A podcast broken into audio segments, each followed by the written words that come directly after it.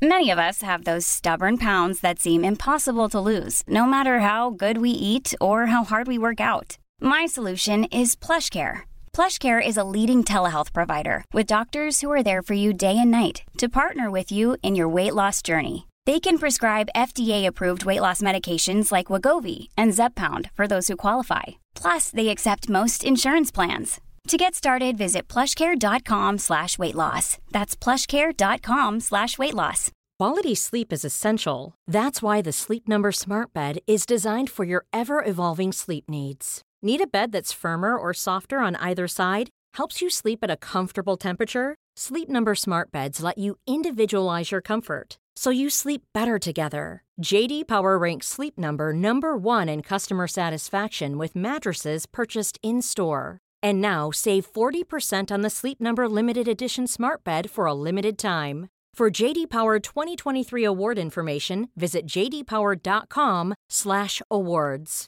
Only at Sleep Number stores or sleepnumber.com. Ready to pop the question? The jewelers at BlueNile.com have got sparkle down to a science with beautiful lab-grown diamonds worthy of your most brilliant moments. Their lab-grown diamonds are independently graded and guaranteed identical to natural diamonds, and they're ready to ship to your door. Go to BlueNile.com and use promo code LISTEN to get $50 off your purchase of $500 or more. That's code LISTEN at BlueNile.com for $50 off. BlueNile.com code LISTEN.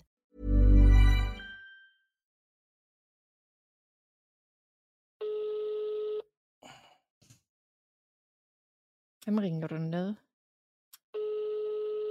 Ska beställa pizza eller något? Hallå? Hej Aron, det här är Axel Öhman. Hallå där. Hej! Jag har inte bett dig ringa mig. Nej, det är korrekt. Men, du påstår att... Eh, oj, han la på. Vilken jävla pajas.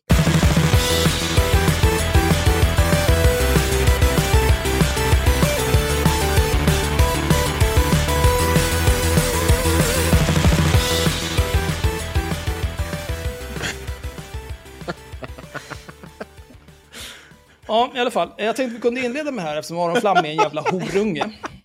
Alltså han, han kommer bara byta telefonnummer snart. Han är Ja, det skiter jag åka hem till honom.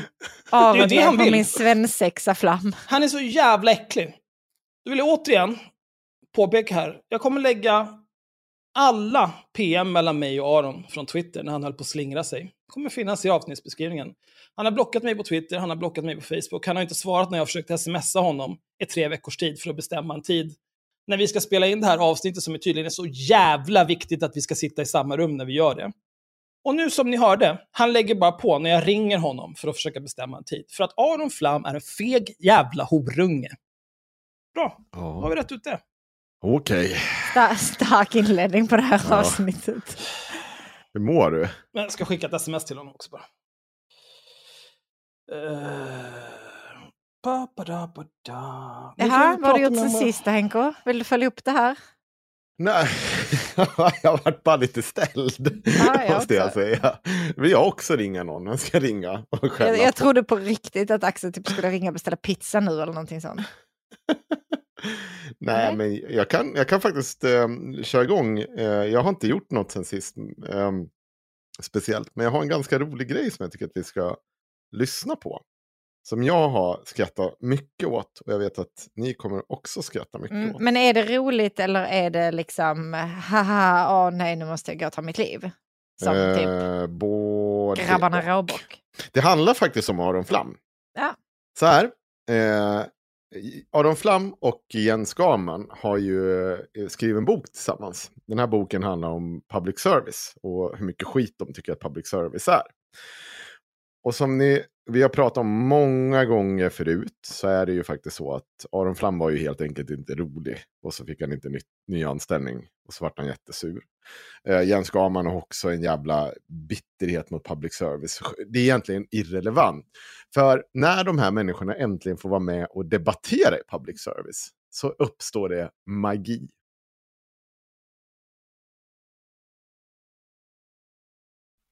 Vi ska prata om public service nu.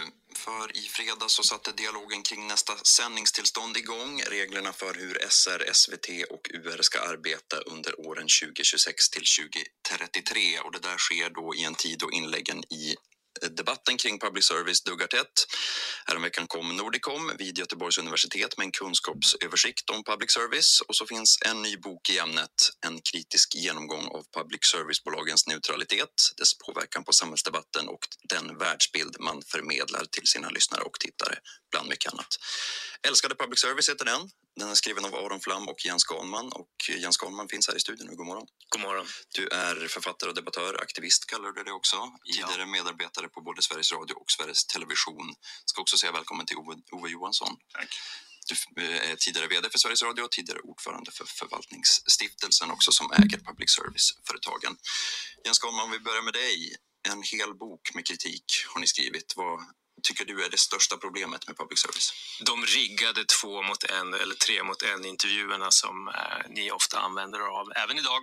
Jag har med mig min medförfattare Aron Flam, men han sitter i rummet utanför och fick, fick inte vara med. Och jag tycker att det är bra att ni hjälper oss att göra en poäng av det, för vi tar upp just det här med riggade intervjuer i boken. Men för lyssnarnas skull så tror jag att du måste förklara, Elias, varför Aron inte är med här inne nu. Ja, eh, inbjudan var ju till en bredare diskussion om public service, bland annat med utgångspunkt i er bok. Och den inbjudan var att en av er skulle komma hit och ni fick själva välja. Men varför en. inte två? För nu är ni ju två mot en. Och då förutsätter du att jag är en debattör Du är avlönad av public service, så det är klart att du är på public service sida. Men det blir ofta så här av någon konstig anledning att det är två mot en. Men kan du förklara varför Aron inte är med här? För att det, vi, vi vill ha en diskussion. En person som är för public service och en person som är emot public Men service. och ni Du är ju med- för också, så det är två mot en. Jag har, det ingår, ingår inte i mitt jobb att ha åsikter om public service. Men du är avlönad av public service och har sökt dit för att jobba med det, så jag tror att du är väldigt mycket för public service. Jens, var du för public service när du jobbade för public service? Ja, men jag var ung och dum. Men det var inte så länge sedan du jobbade för public service ändå. Nej, som frilans, det är sant. Men när jag började 89 så var jag rätt ung. Men, men kan vi förklara för lyssnarna, för jag tror att det blir svårt för många att förstå varför Aron inte är med här nu. Ja, men Varför ställer han samma fråga 30 gånger? Ja, det kommer komma lite mer, men, men så här. Han, vi kan ju leka med tanken att så här, ja, du har ju poäng i att det kan finnas en viss jävssituation i eh, att du, personen här som sitter som mellanperson här då, är ju anställd av eh, public service.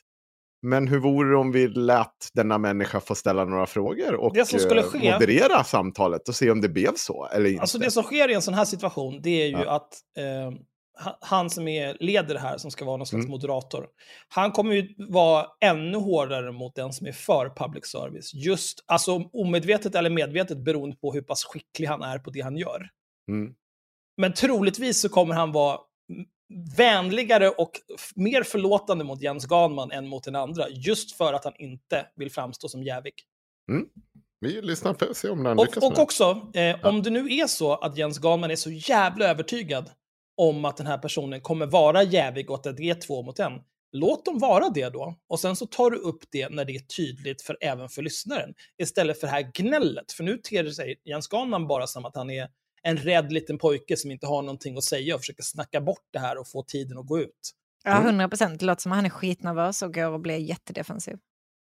Vi ska prata om public service nu. För i fredags så satte dialogen Vänta, kring nästa sändningstillstånd. Jo, men det här är ett stort problem med public service och en person Ja, som... det här får klipparen klippa bort. Här får klipparen lägga in pausmusik. Ingår inte i mitt jobb att ha åsikter om public Bibo, bibo. Bibo, bibo. Bibo, bibo. Bibo, bibo.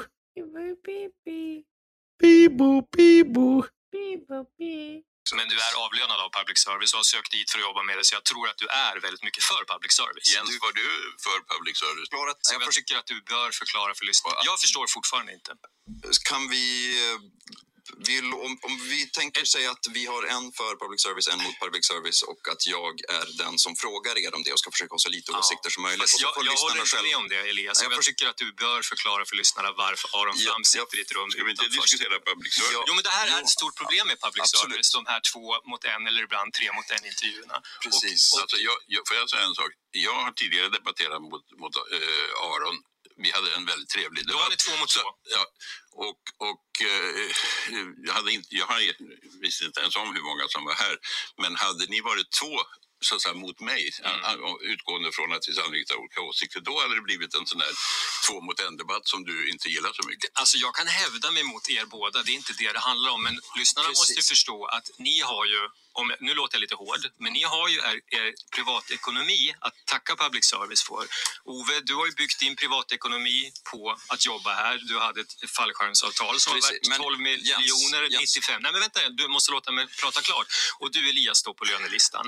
Och det här är ett syndrom inom public service, att ni ofta när det är en fråga ni inte gillar, som den här, då blir det av en slump eller medvetet ofta två mot en. Okej, men vi säger så här då. Det är inte mitt jobb att ha åsikter om public service. Och så kan vi, om vi går in på frågorna så får lyssnarna själva bedöma då, om de tycker att jag förhåller mig neutralt och frågar er saker. Och så kan lyssnarna få avgöra. Ska vi säga så? Ni, ja, men ni valde form över innehåll. Nu går ju tiden utan att vi diskuterar. Nej, jag tycker det här är en jätteviktig fråga. Det här är en Intressant. fråga. Mm. Har vi, om vi Lyssna nu, han, han sa det. Nu går ju tiden utan att vi faktiskt diskuterar frågan. Ja. Men det är ju det Jens Skalman vill. Ja. Men För att han har ju inget vettigt att säga. Jag skulle till och med kunna tänka mig att gå så långt som att han vet att han kommer bli krossad i sakfrågorna. Ja, jag kan hävda er mot er båda två. Ja, just det. Sa ingen som faktiskt någonsin kunde hävda sig mot båda två. Nej. Om vi lyfter ifrån det här då, andra problem med public service, vad ser du som de, de största problemen ut, utöver detta? Ni har för mycket pengar och för många anställda. Jag ser att ni har CNN på här i studion, det förvånar mig inte. Eh, De är 4 000 anställda, ni är lika många. De når 100 miljoner människor varje dag och i ett stort antal länder. Och ni är satta att, att vaka över en befolkning på 10 miljoner. Och ni har för mycket pengar och för mycket resurser. Mm. Men det skulle kunna finnas ett public service då, bara det var lite mindre. Mycket, mycket mindre. Ni vet lika väl som jag att ni skulle kunna utföra ert eh, uppdrag för hälften av de här pengarna. Kanske ännu mindre. Ove Johansson, vad säger du om det? Det här, den här felsynen har man ju ganska ofta och den baseras, det är en slags Stockholmssyn. Sveriges Radio, eh, om vi nu talar om, om den här delen av public service, gör 140 000 timmar radio varje år. Eh, nästan hälften av de timmarna ligger ute i landet där den ofta är den enda rösten, eller i varje fall den enda rösten som inte eh, som, som ger eh, eh pluralitet. I Jämtland, där eh, Jens bor, där lyssnar halva befolkningen varenda dag på, på Radio Jämtland. Och eh, eh, jag vill påstå att, att public service kanske har allra störst betydelse i, i en region som, eh, som din. Så det, här, så det, här bollandet, det här bollandet med siffror, alltså skulle man ta bort halva budgeten då skulle man ju också ta bort hälften av kvaliteten. Det avgörande när man diskuterar public service, det tycker jag om public service gör rätt saker. Och det tycker jag att public service gör. Alltså min åsikt är att ett civiliserat land har museer, universitet, skolor och ett starkt och oberoende public service. Och det gäller särskilt ett litet land med ett litet språk som är beroende av eh, befolkningens kunskapsnivå för sin försörjning. Men du hör CNN når betydligt många fler eh, med betydligt färre personer. Skulle det Lika många. av på Ja, något många. Kan vi pausa lite här? Ja. Mm. Det här, alltså hur många man når, Mm. hur är det intressant? Alltså du, du producerar, det är en sak om det är så här, ja, du producerar en fysisk produkt. Då, då är det ju intressant att säga, hur kan du skala det? Men här produc- de producerar liksom digitala produkter. Som, och, och radiovågor som de skickar rakt ut. Så här, ah, wow, det här är för team. Ja, men vet du vad? De här jävla radiovågorna, de når Alpha Centauri. Det är säkert ingen som lyssnar där. Men liksom, vem som än vill kan lyssna på den här skiten och titta på det här skräpet. Förutom SVT Play då, eftersom det är region locked. För att de är horungar. Mm. Men att det här liksom så här, det är si och så många människor, vad spelar det för roll? Hans poäng där är väl någonstans att det hade kunnat gjorts med mycket mindre pengar. Att de slukar så jävla mycket pengar eller något sånt där. Eh, Han vet kan ju inte. ha en poäng i det, men han argumenterar ju inte för det. nej. Utan han gnäller ju bara. Det här Ja. kostar så mycket pengar. Och sen när de pratar, så men hur mycket pengar? Ja, mycket, mycket, mycket, mycket, mycket, mycket, mycket, mycket, mycket, mycket, mycket mindre. Ja, det skulle kunna vara hälften av pengarna. Och så här. Ja, kanske till och med mindre. Bara, men du får välja. Antingen så är det jätte, jätte, jätte, jätte, jätte, jätte, jätte, jätte, jätte mycket. Eller så är det hälften. Det är helt olika saker, även för en normal människa.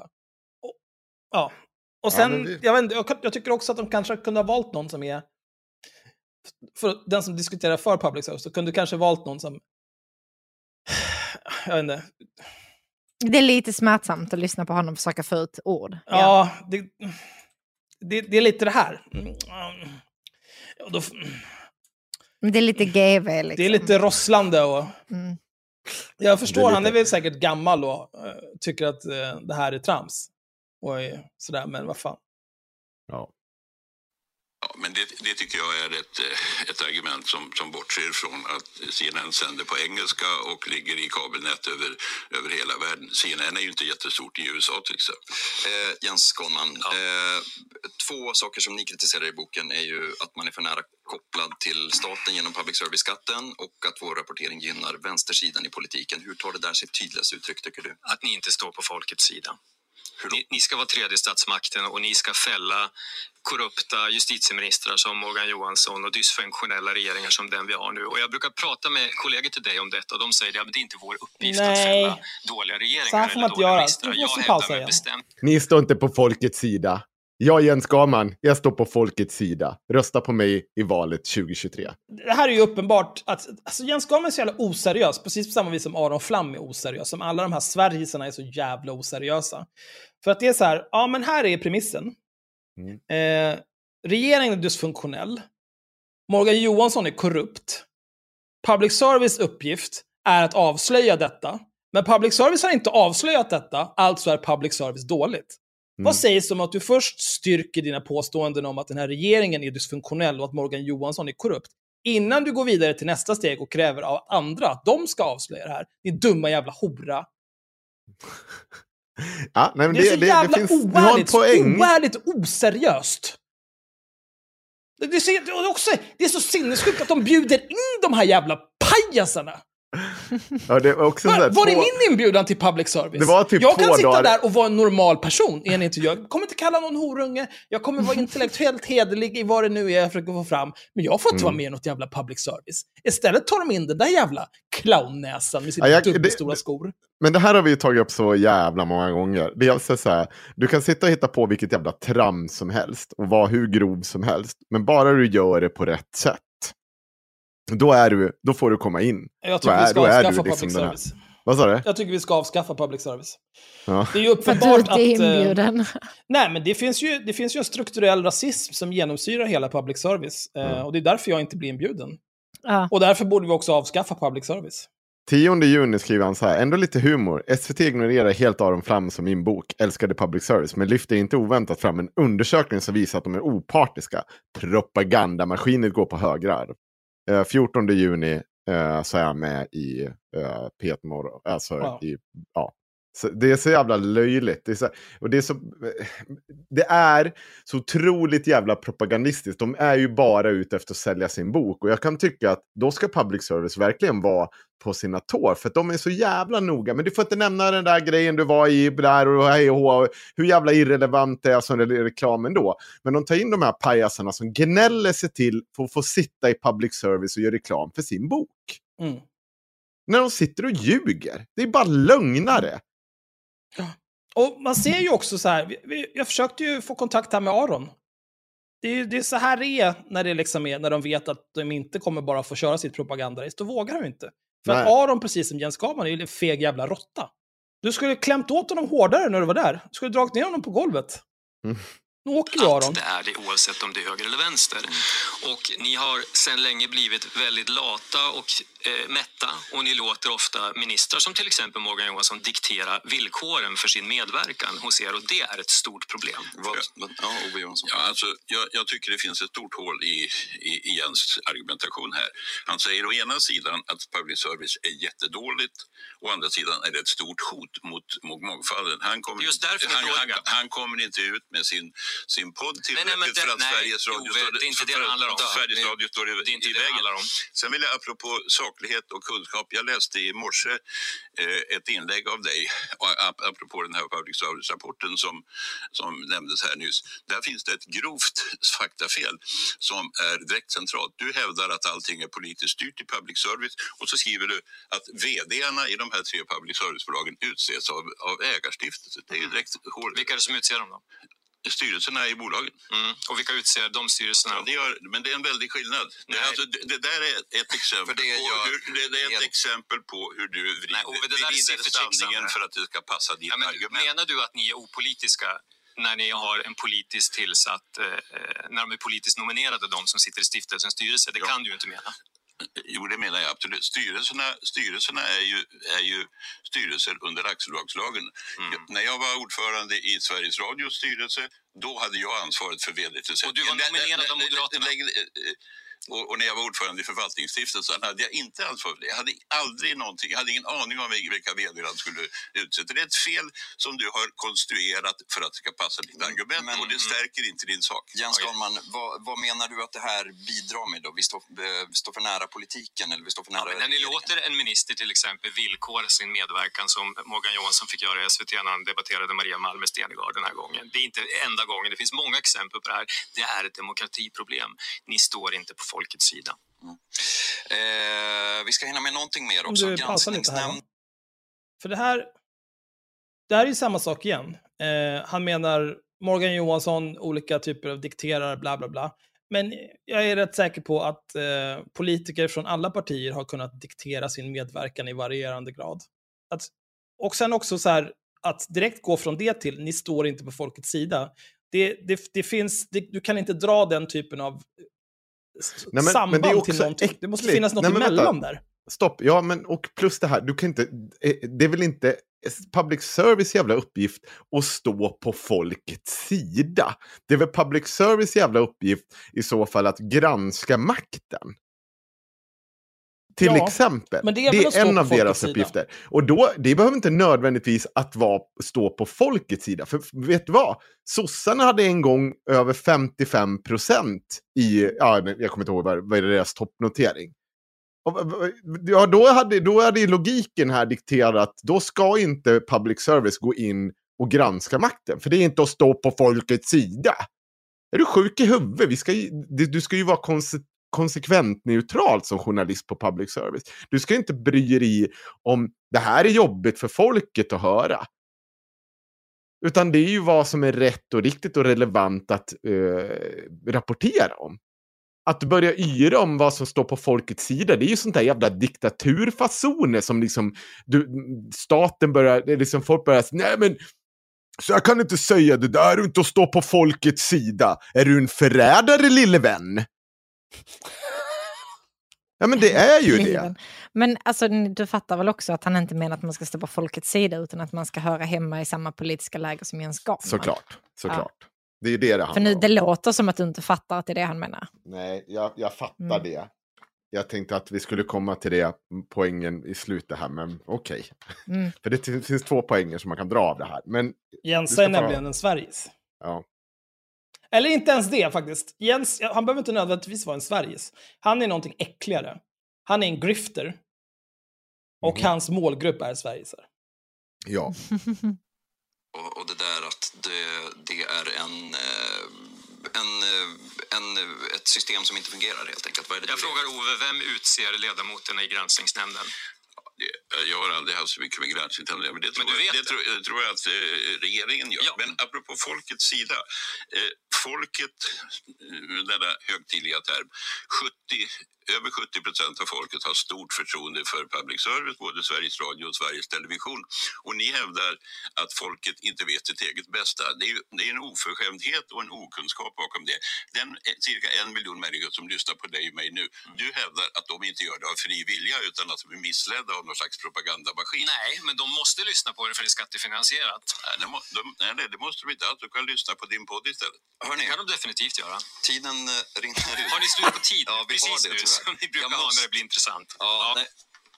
Jag måste släppa in Kulturnytt. Eh, Jens Skalman, författare, debattör och tidigare medarbetare på Sveriges Radio och Sveriges Television. Ove Johansson, journalist, tidigare chef för Sveriges Radio och ordförande för förvaltnings... Det blir slut på tid. Ja, vi har Precis det, nu, tyvärr. som ni brukar Jag ha måste- när det blir intressant. Ja. Som ni brukar ha när det är intressant. Vet ni hur många minuter han la av de här tio minuterna som han såklart vet att det här skulle pågå?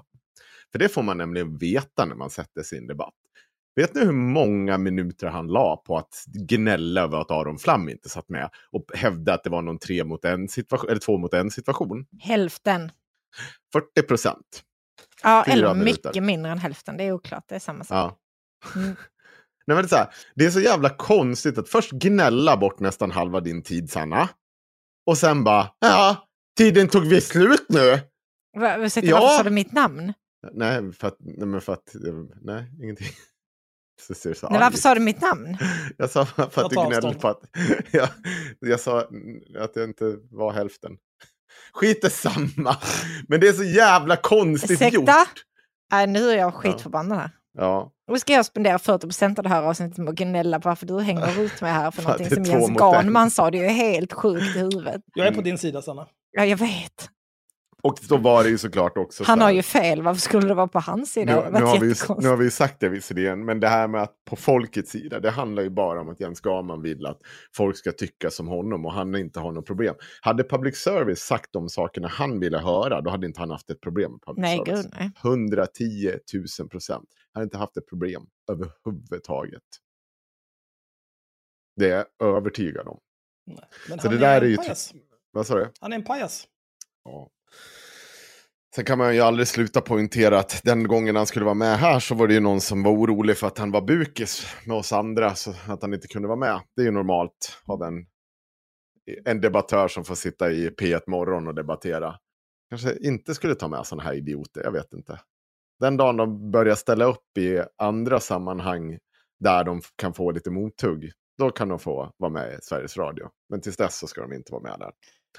Det, det är ju såklart toppen. oss man måste ställa upp Om vi kunde det bli en del av public vilja. service. Det är folkets vilja och det ska ligga bakom Patreon. Och på tal om det, bakom Patreon har vi massa nytt material. Oj. Och vet ni vad? Det kommer mer material övergång. framöver. Ja. Och äh, redan i övermorgon ska vi diskutera, äh, prata med Tobias Hübinette. Eh, vi har planerat in en intervju med Jannik Svensson från Bulletin, före detta vd. Vi ska diskutera Tino Sanadadjis eh, osammanhängande skrikande med utgångspunkt Blända, SVDs eh, nya eh, dokumentärpodd som har beskrivit livet inifrån Bulletin, där Jannik är en stor del av. Jannik. Jannik, Jannik. Eh, sen ska vi se om vi hinner få till en till eh, intervju av något slag. Och allt det här kommer publiceras under juli månad förhoppningsvis. Men eftersom vi det här året inte har hunnit hitta några semestervikarier så kommer allt publiceras bakom Patreon. Så att vi försäkrar oss om att ni som inte är horungar, ni stannar kvar. Ni ska få någonting extra och exklusivt. Kommer i kosta pengar oavsett. Det ska Ja, ni ha jävligt klart Det för ska er. ni ha klart för er. Men, eh, och alla andra som inte tänker betala för sig, det kanske är dags att börja göra det nu. För jag vet inte hur mycket bra content. helvete bara. Ja, nej, men det finns så mycket content där bakom. Ni behöver börja betala för er. Det här har jag sagt i flera år nu. Och ni har ändå så inte börjat betala för er. Eh, Ska Ändrar behöva- inte Axel definitionen på horunge i något avsnitt? Att det gällde alla som inte var Patreon och de som var lägsta nivå Patreon?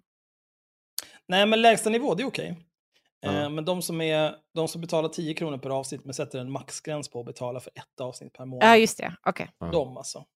Vänta, eh, Jag. jag. fick svar från Patreon. De, de jobbar på det där. Jag, jag tror Ta faktiskt inte ens att jag har eh, en sån. En Jag tror på riktigt att jag betalar 10 spänn per avsnitt. Va, varför är du... Är så jävla sjuk. Jag gör det. Alltså, Men varför, Jag lyssnar inte ens på den här jävla prata. skitpodden. Nej, varför skulle du göra det? Du är ju här när vi spelar in. Det räcker väl? Det är väl ja, men är, det är ju knappast så att jag kommer ihåg vad vi har pratat om efteråt. Alltså, och det där är inte för att jag dricker så jävla mycket sprit. Jag vill bara klargöra det. Det är för att direkt när det här är över så går jag våldtäktsduschar och förtränger det. Jag gör Ja. ungefär likadant, fast jag spelar istället eh, World of Warcraft med randoms. Ja, är inte det, Det- som ungefär Det får ungefär samma effekt. Alltså det gör ju att man vill blåsa skallen av sig. Ja. Det är ett otroligt självskadebeteende. Ja. Men apropå Bulletin, här ska ni få höra. Mm. Publicerat igår, nej i förrgår, fan är det 19 idag? Tiden går så fort hörni. Mm. Publicerat den 17 juni i Bulletin. Nej, inte i Bulletin, i Dagens Nyheter. om Bulletin. Ja. Bulletins interna mejl tyder på sifferfusk för att få bidrag. Meddelanden som skickats från tidningen Bulletins IT-chef, det var väl han Omid Smith, Omid Smith, ja. som Mm. älskar Tinon Sanadadji. Ja, han... det finns nog ingen människa som älskar Tino Sanadadji så jävla mycket som Omid Smith. De är absolut olika personer. Ja. Omid Smith är en person som existerar. Jo, men han, han är faktiskt det. jättemycket. Absolut. Vi får, vi får fråga Jannik om det när han kommer och är med här. Nej, för alla ni som är då delar på Patreon kommer ju få ta del av er. Det kanske kommer ut en del. Det kommer av det absolut inte komma någonting. Jo, det kommer du, kanske vi kommer kanske, ja lite grann, kanske sm- en, kanske kommer lite på Instagram, det kan jag tänka mig att konvertera Mm. därifrån. Nu, jag känner att vi har, vi har fiskat, vi har tömt lyssnarpoolen. Vi måste börja fiska i Instagram-poolen, där tror jag att det finns mer att hämta. Mm? Ja, ja. Vad skit i det. Meddelanden som skickats från tidningen Bulletins IT-chef tycks beskriva hur tidningen manipulerat uppgifter inför ansökan om pressstöd. Det är skälet till att Myndigheten för press, radio och tv skjuter på beslutet om stödet, skriver tidningen Journalisten. Jag orkar inte läsa hela den här, för det är ganska lång och det är inte så jävla spännande. Men! Tidningen Journalisten rapporterar nu att ett mejl från Bulletins IT-chef tycks bekräfta att detta gjorts. I mejlet som skickades till flera inom Bulletins ledning den 11 november uppger IT-chefen att man kan lösa de tidigare olåsta artiklarna. Vi kommer behöva låsa mer än 80% av innehållet för att få pressstödet. Vi kan lösa de historiska artiklarna och låsa 80%, men för framtida dagar från och med imorgon, vänligen lås över 80% av alla publicerade artiklar. Detta är extremt viktigt, annars riskerar vi att inte få pressstöd, står det i mejlet som även DN tagit del av och verifierat. Och sen vidare så skriver de också, vi kommer behöva förfalska artikelns versionshistorik så att det står System Locked Article i ändringsloggen inom tre timmar efter publiceringsdatum, skriver IT-chefen bland annat till en av sajtens utvecklare. Oj då. Här känner jag mest eh, information som bäst förmedlas via telefon. Var inte så här jävla dum. Det här är det så jävla inkompetent. Det här påminner mig om... Eh, eh, det här är ju IT-chefen också. Jag hade en kollega eh, som skrev i vår eh, Flashback-tråd Mm. och eh, skrev en massa konstiga lögner om mig i Flashback-tråden.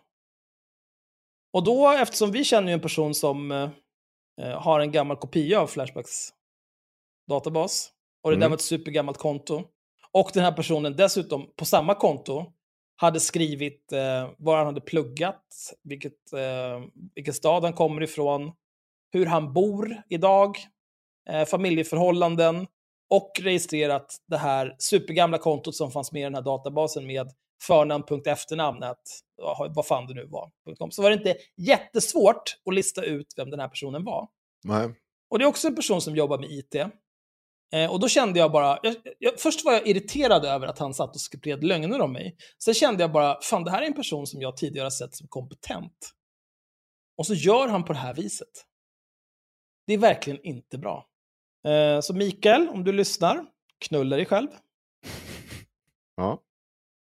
Nej, det, det är inte jättekompetent. Men än en gång, vi kommer komma tillbaka Det till... borde bli en sån nytt segment i det här där vi bara ber personer ur vårt privatliv som har liksom ingen koppling till någon annan alls bara gå och knulla sig själv. Ja, men det gör Bara, vi. ja, men som, som typ eh, kanske eventuellt lyssna på podden eller någonting sånt som kanske möjligtvis skulle höra det här. Ja. Nej, men det vore väl bra om de fick göra det. Eh, man kan Kan ju men också du skicka, och knulla sig själv Henrik, kom igen, kör, kör på nu. man kan skicka ett, en länk till dem också. Sara Nilsson från Dumpen. Vet du vad hon kallar mig för någonting? Poddgubbe. Ja. Det är så jävla Ja, bra. vi vet det för att du skrev det typ 8000 gånger i chatten och var så jävla kränkt över att hon kallade Ja. dig poddgubbe. Hur i helvete är det här? Men eh, det har hänt lite saker sen eh, vi var med i AMK morgon. Eh, jag skrev faktiskt till Sara Nilsson efter det här inlägget. Hon skrev på sin... Eh, hon skrev ett, en uppdatering, gjorde ett blogginlägg om... Eh, där hon skriver så här.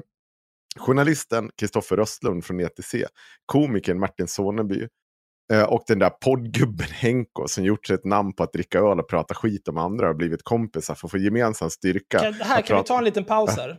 Jag tycker att det är, det är lite mycket att den här gamla tjackpundaren kommer och pratar om att han gjort sig ett namn på att dricka öl. Hörru du, ta lugna ner dig för fan.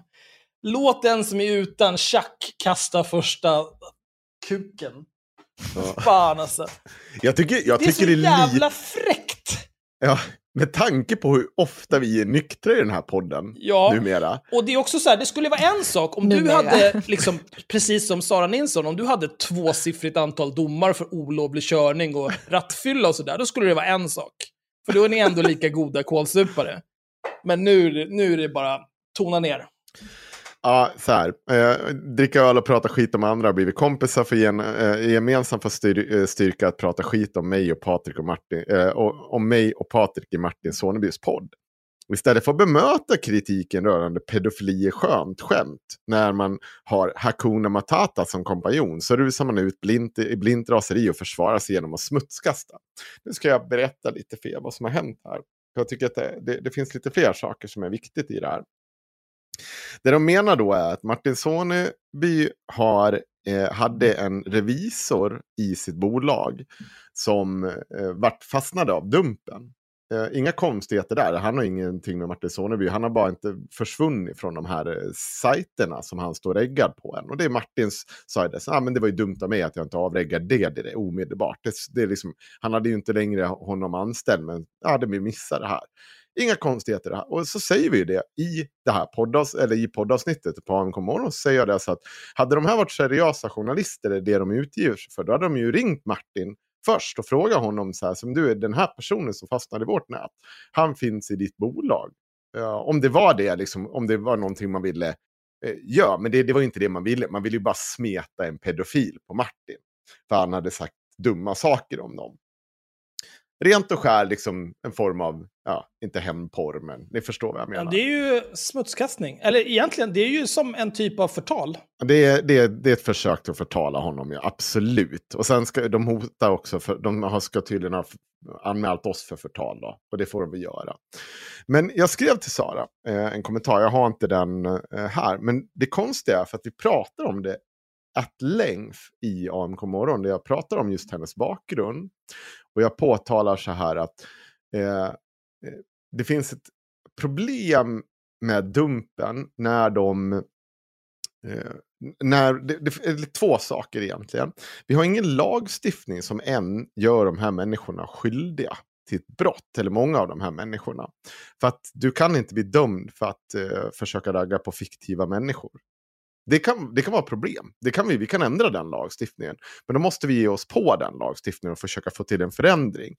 Eh, innan vi liksom då dömer människor för pedofili i resten av deras liv. Sen det, finns det fler pro problem med hur de jobbar. Vi ska komma till ett av dem alldeles strax. Eh, men också så tycker jag att det finns eh, det, det, märks att man gång på gång gör de här snedtrampen. Till exempel att man hängde ut en person som dök upp till en av de här träffarna. Och fortfarande uppenbarligen inte förstod att det här, att, att det här var, han, han skulle liksom fortsätta ligga med Sara. Som om han inte riktigt begrep vad det var han gjorde. Och det visade sig sen i efterhand att det gjorde han ju inte. För han var ju någon typ av hade någon typ av ja, förståndshandikapp av något slag. Och det visste alla om i den här stan.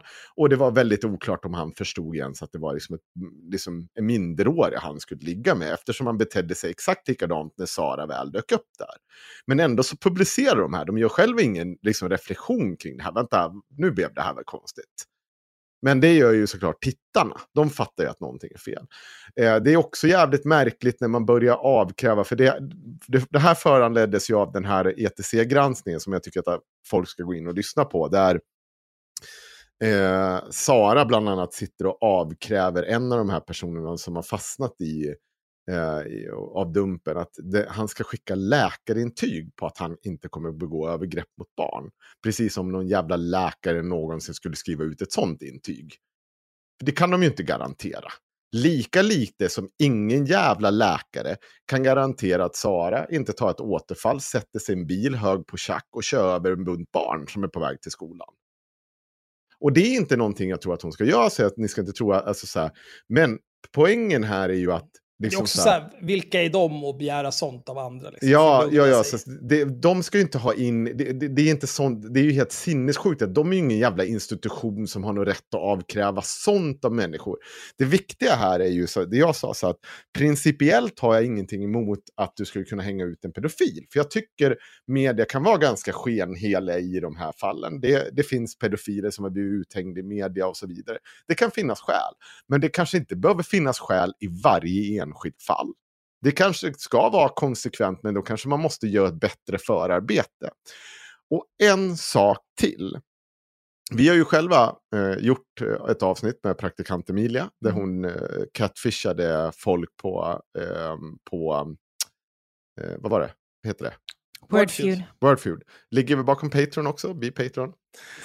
Men i alla fall, eh, en instruktion jag tog, skickade med henne där det var noga att hon inte skulle vara drivande i den här frågan. För jag tycker att det kan bli jävligt fel om man är drivande. För att det, pedofili är inte bara pedofili, så enkelt. Det är precis som när Sara, hon hon skriver för övrigt, i hennes blogginlägg skriver hon om en massa omständigheter som leder upp till hennes, att hon eh, begår alla de här brotten och lever ett liv liksom i missbruk och, och sådär. Och det där, på exakt samma sätt så kan du hamna i de här situationerna att du hamnar på dumpen. Det betyder inte att du är en pedofil i klinisk bedömning. Det, det finns tal, jag, jag har sett, eh, jag såg en dokumentär om just det här, när de pratar om att det finns människor som får liksom en sexuell störning under en period i sitt liv på grund av till exempel missbruk eller ö, vad heter det, eh, övergrepp, psykisk ohälsa och så vidare. Men liksom aldrig gå tillbaka, ha ingen egentligen liksom den här typen av eh, sexuell läggning, i, eller sexuell störning, förlåt, eh, i vanliga fall. Utan det, det liksom finns tusen olika orsaker. Alla som hamnar hos Stumpen är inte nödvändigtvis pedofiler. Det de har gjort det är att de har sexchattat med personer som, ja vi vet ju inte alltid exakt hur de har sexchattat. Men min forn, äh, vår forna kollega Axel, Anne Berlin, Ja, just det. På er. Det var ju hon som lärde dig att skriva. Du hade inte varit någonting utan henne. nej Jag kommer ihåg att jag kommenterade på det i början när du kom med dina första utkast i artiklar på Inte rasismen där runt. Vad var det? 2013 va? Det var ju bara skit. Och så sa jag till Annie så här, fan kan inte du hjälpa här? Han kan fan knappt stava. Jag blir förbannad bara jag ser det här. Och då sa han, absolut chefen, jag fixar det. Hon har blockat mig på Twitter för. Jag har ingen aning, jag har aldrig interagerat med henne. Det är helt sinnessjukt. Ja, vi är inte jättebra kompisar idag. Jag har Nej. berättat att jag bjöd in henne på vårt femårsjubileum. Nej, jag vet inte. Jag jag Kanske. kanske inte, jag CC'ade inte dig i den meningen. Nej, just det. I alla fall. Ehm, hon har också gett sin. Tänk alltså att vi hamnar på så mycket sånt här lika grejer hela tiden då, Annie. Ah, ja. Skitsamma, det är inte... Eh. För den som gillar att läsa vad jag skriver är Dumpen inget nytt namn. Jag har skrivit om sajten två gånger tidigare. I tidningen Arbetet i mars och här igen om, här om veckan. Nu tänker jag skriva om dem igen. För jag kan verkligen inte förstå hur personer som säger sig arbeta mot pedofili tänker när de skickar barnpornografi till pedofiler. Nåja, nu är det väl förhoppningsvis inte riktig barnpornografi, porno, barnpornografi. Någon slags vett får man hoppas att människan bakom dumpen ändå har. Men bilderna, bilder skickas och lättklädda är de. Med tanke på hur männen inte reagerar med en hallå, det där är ju uppenbarligen en vuxen person, så ser bilderna ut att föreställa barn. Ja, just det. De är lättklädda bilderna. Och här har hon då tagit fram, jag, tycker, jag behöver inte läsa hela den här jävla texten, men eh, då är det en chattkonversation här. Jag ska, det här är då den påstådda tjejen. Jag är ju 14 och längtar till moppe och så massa hjärtsmileys. Och då svarar den här personen, förstår det. Eh, men 14 är bra tycker jag. Hihi, fjortis. Mm, hjärta. Du är otroligt söt fjortis. Vad ska du göra idag? Så att du tycker att jag ska eh, uh, vara... Såg du att jag tycker att du ska vara utan trosor i största möjliga mån under sommarlovet? Och sen kommer då eh, nästa chatt, ser man. Stockholmsman kallas han. Glad att du vågar smygta bilder, sötis. Hihi, mm, smiley. Eh, och så skriver han igen. Vet du vad som slog mig? Du har aldrig tagit en ansiktsbild. Kan du om tillfälle ges ta en bild innan, eh, innanför tightsen? Om ett tag, när det är lättare, svarar hon dem. Hjärt- och så skriver hon så. Mm, hjärtat. Första bilden ser ut som, en, eh, som att du har trosor på dig. Hade ju det. Klätt på mig, ska till affären snart. Men lyft eh, men lyft upp på sista bilden i alla fall. Det där... Inte... Hallå? Det var inte... Varför gör hon sådär för? Eh, och så skriver han vidare. Har tittat och njutit av bilden du skickade hjärtat. Och så säger han att han älskar... Eh, aha, de stringen du har på dig idag. Har du även dem eh, i cerise? Ja, han fortsätter och skriver, beskriver trosorna hon har på sig och sådär. Eh, och man ser här också, eh, man ser början av en bild och så skriver hihi, men din rumpa ser otroligt smiskvänlig ut. jag vill nog veta vad det är för typ av bilder om. Fanny påtalar ju det. Eh, om de här männen inte ser att det här eh, är... Är vuxen fitta. Ja.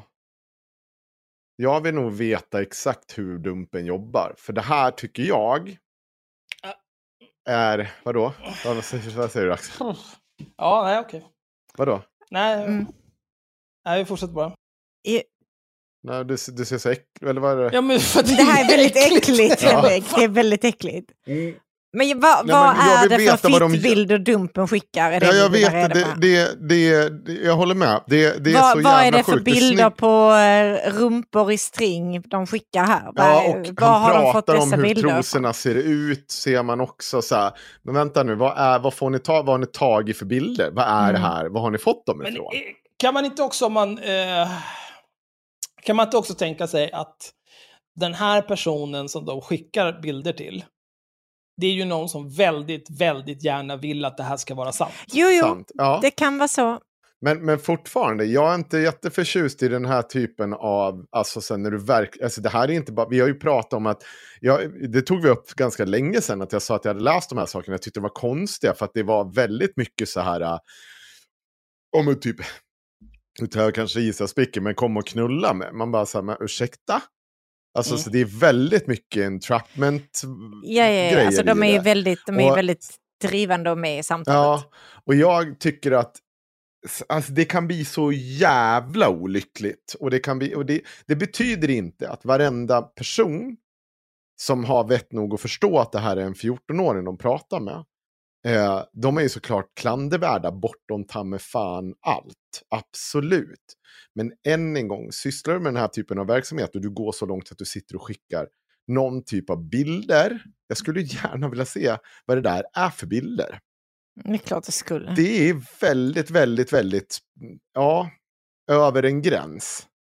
Vad heter det? Det är brottsprovokation, heter det väl. Mm. Nu finns det ju tyvärr inget brott för det här. Det kanske det skulle finnas, men jag får lite panik över att det här är metoden de jobbar med. Det är inte seriöst. Och det känns som att man så jävla gärna vill få de här personerna. Och det känns som att hur... Risken är ju att du knuffar någon över en gräns som de kanske inte skulle ha gått över. Och sen kan du alltid stå där och säga, ja men den skulle inte ha gått över den där gränsen. Nej, absolut. Du har en poäng i.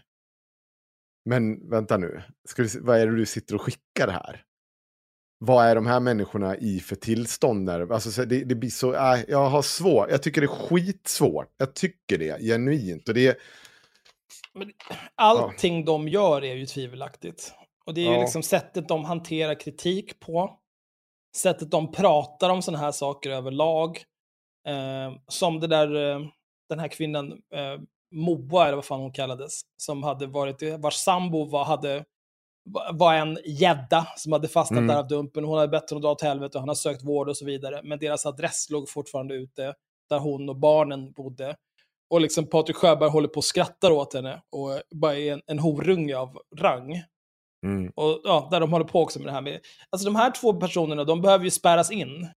För det är uppenbart att de bara agerar i affekt och inte kan hantera det de håller på med. Och finns det sunda människor omkring dem som de påstår med de här, ja de har livbojarna, de har ett team av psykologer och blä blä blä blä blä, så här, massor med seriösa människor med olika typer av utbildningar. Och att ingen av dem reagerar, det känns ju mer som att det är ett tecken på att de människorna inte finns. ja. Och att det här bara är på liksom alltihopa de håller på. Det är liksom... Eh, Piff och Puff åker land och rike runt och letar efter pedofiler för att liksom hämnas för att de själva blev utsatta för, för övergrepp när de var unga. Men det måste ju finnas ett sundare sätt att ta itu med det här. Typ KBT ser- eller något. Jag vet inte fan Det jag. här är, det är jävla synd, för att jag tror så här, eh, det- är så synd att, det här att de har blivit någon typ av eh, hjältar i form, alltså på grund av det här. För att, alltså, så här, ni har säkert gjort någonting väl och bra eh, i er gärning. Problemet är att det är så jävla uppfuckat alltihopa. Att det finns inga nyanser, det finns inte utrymme för kritik, det finns inte utrymme för att göra det bättre. Och, det är också det sjuka, de har ju försökt göra allting Eh, de har, så fort de har kritiken har kommit, till exempel när det börjar med det här att de la upp eh, runkbilder på TikTok, eller på, på, sin, eh, på sin hemsida. Oh, just det. Varför det om någon anledning skulle vara relevant. Sen går de till TikTok och gör reklam för kom här alla barn, titta på vår hemsida. Och så visar det sig att ah, här sitter en gubbe och runkar. Varför ska barn in och titta på den där skiten för? Det fattar ni väl att det är den målgruppen ni har på TikTok? Ja, då helt plötsligt sätter man en så här 18-årsgräns på sin sida. Som om det skulle vara en grej för ett barn. Är du över 18? Ja, nej, då kan jag inte gå in på den här hemsidan. Mm. Är du sjuk i huvudet? Samtidigt så, så påstår ni liksom att barn blir utsatta för det här dagligen på nätet. Så det är klart att de vet att de bara trycker nej. Det, är så dumt. Och, och så håller det på så att de hela tiden försöker justera sig efter kritiken. Men samtidigt så alla kritiker blir ju fortfarande dömda som någon typ av pedofilvurmare. Eller så här. Jag tror att den här typen av sexualbrott är en sån här grej som de flesta tror jag vi skulle kunna bli överens över partigränser om. att ja, Vad vill vi med det här? Ja, vi vill att så få fucking barn som möjligt blir utsatta. Tror vi att vi kommer lösa det med långa fängelsestraff? Förmodligen inte. Det är inte problemet. Utan problemet är alla de här människorna som är, jag hinner gör, begår det här brottet. Så det, det, det, straff blir bara liksom en typ av hämnd. Så vad vi behöver jobba på något sätt proaktivt och smart för att identifiera de här människorna och se till att de inte eh, ja, men är en, sys, sys, sysslar med den här verksamheten. Jag tror att de flesta från vänster till höger skulle kunna bli en grej här. Men nu har de blivit en faktor i debatten som bara handlar om hämnd. Vad händer då, efteråt, när vi väl har tagit dem? Hur ska vi skamma dem för livet? Och jag är så jävla rädd för att också så här, när du sätter de här människorna i bara en sån stor misär du sätter dem i. Vad fan finns det för stopp för att de skulle kunna begå ett nytt brott? För grejen är att de behöver inte nödvändigtvis bli dömda. De blir isolerade, de blir ensamma och så sitter de där. Ja, vad spelar det för roll då? Då kan de ju lika gärna begå ett brott. Alltså, det troliga är väl att de tar livet av sig. Ja, det finns nog många som bara liksom hänför sig åt liksom bara gör där det faller dem in. Du har ju ändå inget att förlora. Men absolut, Nej, de kanske tar Ja. liv av sig också. Mm. Men folk brukar generellt faktiskt vara för fega för det. Jag tror att vi löser det här problemet med tvångskastrering av... Ja, Alla kan män. säkert vara. Alltså, det, finns, det, det, det kan man väl säkert göra. Jag, jag är inte insatt i... Ja, nej, men, så här, Du, tvångskastrering, miss, det du missade att jag sa alla män. Har alla män? Ja, jag Ja. sa alla män. Jaha, Du bara, det- jo, jo, det kan man säkert göra. Ja. ja, Ja, alltså, du har ju inte fel, men jag, vet, inte, jag känner ändå att... Eh, det är lite mycket. Men ni får runka en kopp en gång så fryser vi in det. Så får ni ha det i någon sån här privat liten bank. Eh, och sen så knipp, knipp. Alltså, så- någon Men, gång. eh, det Det, blir som... tar vi bort all typ av sexualdrift. Ja, Som i eh, Dragon Age. The, the Tranquil. ja, just det. Mm. Men är inte de bara... Ja, Snipp, snipp. snipp, snipp, Mm. snipp. Ja, visst. Ja. Ja, nej, men jag har inte så mycket mer att säga om det. Jag bara tyckte att det var sjukt. Jag tyckte det var snygg catch av Annie. Hur, hur mycket jag än tycker illa om henne i övrigt så... så Cred. Åh, gud, det är tur att vi inte jobbar tillsammans längre. Det här hade varit ett sånt jävla arbetsmiljöproblem att ni inte tycker om varandra. Då ska jag behöva hantera det. Ja. Jag gillar hur Axel har... Först var det bara att ah, men Axel var med i ERM. Sen var det liksom att Axel var med och grunda ERM. Nu är det liksom Axel var med och grunda och var chef för ERM. Eh, verksamhetschef. Ja, och det- hela tiden så... Det finns ju en anledning till att jag har tagit på mig vd-rollen även här i Haveristerna Media Group. Det är ju för att jag har tidigare erfarenhet av den här typen av eh, Fy fan vad du är dryg. organisationsarbete. Mm. Knulla dig själv. Nej, det är ingen Det är den. Axel, du har ju eh, Axel är den av mitt privatliv. Jag vill du knulla sig själv prata den om. här Ja. ja, nej jag vet inte. Vi kan, ju, vi kan ju prata om det där som vi pratade om innan avsnittet när vi hade, någon, någon hade fått en uppgift. Eh, Ja, det är gott. Ja. Eh, jag skulle vilja prata om nannies. Vi har inte pratat om nannies sen uh, Cissi Wallin prutade ner sin nanny från ja, 180 till 150 spänn i timmen svart. Mm. Eh, men det är absolut, så kan man göra. Eh, det här är eh, från Twitter. Såg jag tidigare idag och tänkte, ho, ho, ho, mycket lustigt. Eh, det är Johanna underscore Linder som har hittat några eh, platsannonser på Arbetsförmedlingens sida. Och så har hon klippt ut lite detaljer ur dem och så skriver hon normala de här nanny-annonserna är. Och det, då tittade jag och läste de här och tänkte nej, det var de verkligen inte. Så då letade jag upp de här annonserna. Jag tänkte vi ska läsa dem. Eh, Mm. och sen ska vi diskutera lite grann kring det här. Eh, vi kan börja med den, den som är ganska normala. Eh, nanny med vårdbakgrund sökas till Stockholm. Eh, sjuksköterska grundutbildad vill de ha. För kunds räkning söker vi just nu en barnmorska slash sjuksköterska som kan ta hand om en nyfödd bebis under nattetid, dagtid med allt vad det kan innebära. Tjänsten är så kallad vakennatt, vilket innebär att du förväntas vara vaken under hela natten för att snabbt kunna uppmärksamma den nyfödda bebisen. Tjänsten kommer att dels utgå från Östermalm, men även Ingarö ibland. Initialt är uppdraget omgående enligt överenskommelse och över sommaren. Vem är du? För att trivas hos oss tror vi att du är en pålitlig, lugn och ansvarsfull person med tidigare erfarenhet av liknande arbete under nattetid och dagtid. Det är viktigt att du känner dig trygg med att ta hand om ett litet barn och har en stor ansvarskänsla. Förutom det ovannämnda söker vi dig med följande kvalifikationer. Eh, tidigare erfarenhet av liknande uppdrag samt erfarenhet av arbete som sjuksköterska eller lik- motsvarande. Kommunicera flytande på svenska, innehar B-körkort. Och det, det som är speciellt med det här är ju att de vill ha en, en sjuksköterska eller barnmorska. En sjuksköterska är ju tre års högskoleutbildning. Ja. Mm. Eh, barnmorska ytterligare tre terminer på det. Mm.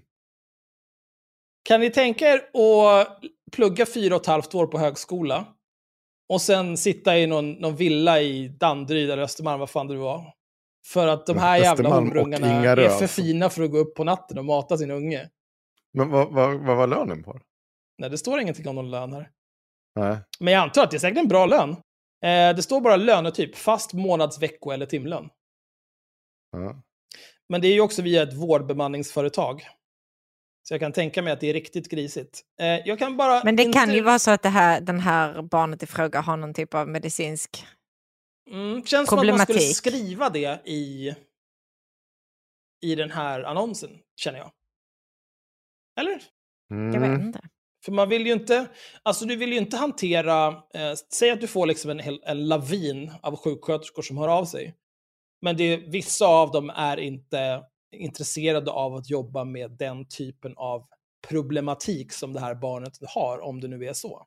Du vill ju inte Mm. behöva ha med dem att göra och lägga en massa tid på dem, utan då är det ju bättre att du kan sålla bort dem redan här på annonsstadiet, tänker jag. Mm. Mm. Det enda som står är att det är en nyfödd bebis. Liksom. Ja, det låter väldigt mycket som att någon vill ha en uh, wet nurse till sin unge. För att, Mm. Eh, alltså wet nurse är så jävla äckligt ord. Jag tänker bara på den här bossen i Dark Souls nu, för Tim har ju börjat spela Dark Souls igen så att jag är helt Ja, är sabbad i huvudet. Du behöver... Vi ska läsa en ännu bättre här. Det är bara en till. Det är bara två stycken totalt. Men den här är mycket, mycket roligare. Eh, familj i Täby söker nanny och hushållsassistent på heltid. Mm. Det, jag vill inte vara den som är den, men jag tycker att det är lite talande att det är Östermalm och Täby där de här Mm. tjänsterna finns.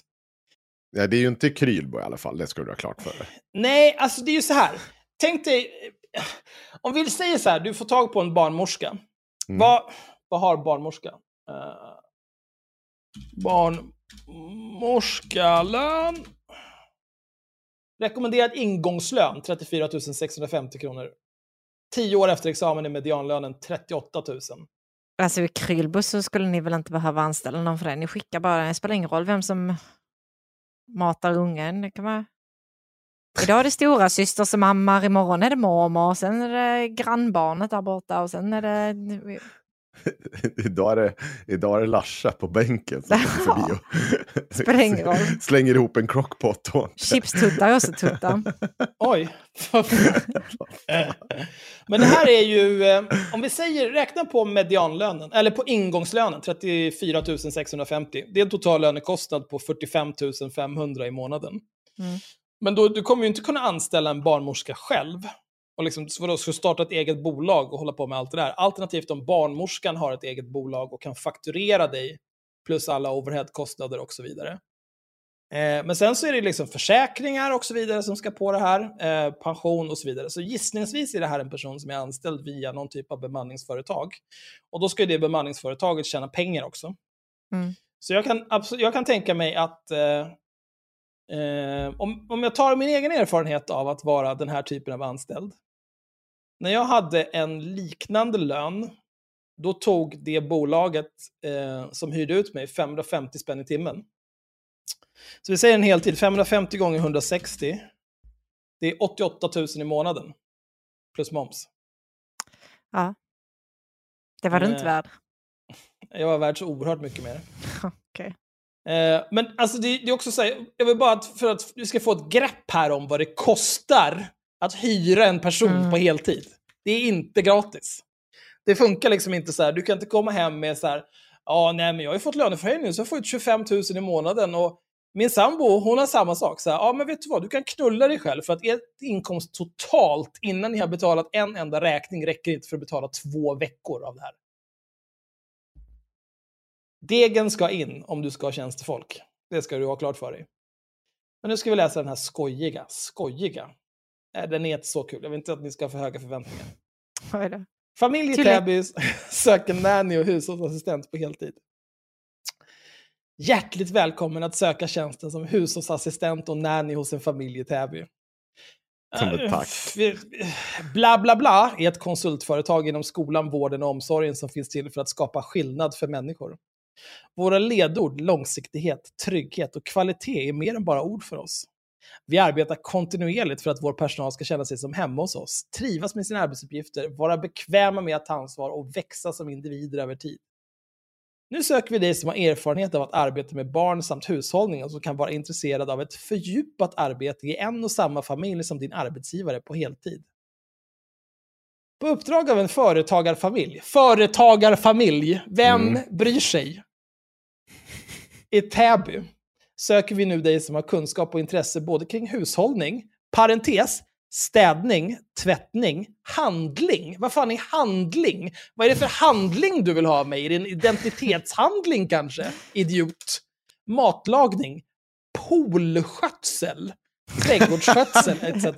De vill alltså ha, de vill ha någon som tar hand om barnen, någon som städar, någon som tvättar deras kläder, någon som handlar deras mat, någon som lagar deras mat, någon som gör rent poolen och någon som tar hand om trädgården. Allt i ett.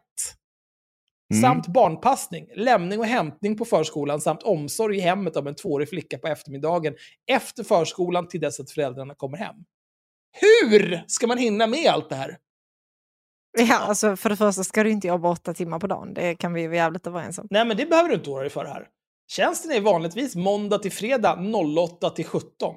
Men även barnpassning på vissa kvällar och helger kommer att tillkomma. Om du ska både hämta och lämna på förskolan och du även tar hand om barnet tills föräldrarna kommer hem. När kommer föräldrarna hem? Det måste ju vara senast 17.00 för då är du på väg ut genom dörren, för då har du slutat för dagen. Tror ni att det är så? Go fuck yourself alltså. Vilken jävla skojare. Och det är inte så att man bara kan släppa det och gå. Vad ska man lämna fucking tvåungen när Ja, föräldrarna så jag skickar ungen i sen? poolen. Du får göra rent här. Jag hann inte idag. Ha det bra, hej. Och här, här kommer det något riktigt vidrigt. I tjänsten kan även komma att ingå att du får betalda semesterresor med familjen där du förväntas vara med och ta ett ansvar för den tvååriga flickan. Familjen reser primärt mycket till Norge. Men vänta, är det, är det Cissi Wallin det här är oss? Nej, det tror jag inte. Ja, okej. Ja. Hon, bor hon i Täby? Nej. Hon har inte pool heller. Familjen reser primärt mycket till Norge, som mamman kommer ifrån, samt till Spanien, där familjen har ett semesterhus. Mm. familjen von Laxnacke. Eh, men det här, i tjänsten kan även komma att ingå att du får betalda semesterresor. Det här är så jävla bedrägligt. Ja. För då är det så här, okej, men ni åker till något jävla hus i Spanien där de har sin semester. Tror ni att den här supertrevliga företagarfamiljen på två vuxna som är ointresserade av i princip allt som har med hemmalivet att göra. De vill inte laga mat, de vill inte tvätta, de vill inte ta hand om sina barn, de vill inte tvätta poolen, de vill inte hålla på med någon trädgårdsskötsel. Tror ni att de är intresserade när de kommer till sitt semesterhus i Spanien och tar hand om sina jävla horungar? Nej, jag tror inte det. Jag tror att de är intresserade av att ligga vid poolen, vara i fred och läsa typ självhjälpsböcker. Eller typ Ja. ner på byn. Vi, du, eh, Louise, vi tänkte att vi, vi, det är så himla fin dag. Vi såg en så himla trevlig restaurang här som har öppnat. Så jag tänker, jag och, vad fan, vad kan, vad kan frun heta? Något riktigt vidrigt namn. Kom igen nu. Vivica med C. Och W. Fy fan! Och Vivica. Vi, vi åker ner dit, så, men vi kommer hem senare ikväll. Du behöver inte vänta uppe. Du kan ju beställa någon mat om du vill här. Nej, just det. Du, ska ju, du har ju redan varit och handlat och du ska ju laga mat. Och sen så ska du ju städa hela vårt jävla semesterhus i Spanien. Medan du tar hand om våra jävla ungar.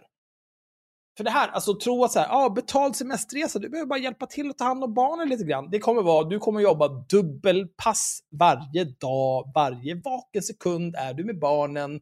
När barnen skriker mitt i natten, gissa vem som går dit? Det är inte föräldrarna. Och vad ska du göra åt saken? När du är liksom så här 19 i ett främmande land. Ingenting. Det är bara att göra som du blir tillsagd. Och sen så visar det sig att de är någon jävla unicorn chasers också. Fy fan. Jag hoppas du har en kniv med dig. ja, det där, det där är så jävla vidrigt alltså. Oh, I den delen som berör arbetet som hushållsassistent är det viktigt att du har ett genuint intresse. It's that time of the year. Your vacation is coming up. You can already hear the beach waves, feel the warm breeze, relax and think about work. You really, really want it all to work out while you're away. Monday.com gives you and the team that peace of mind. When all work is on one platform and everyone's in sync, things just flow wherever you are. Tap the banner to go to Monday.com.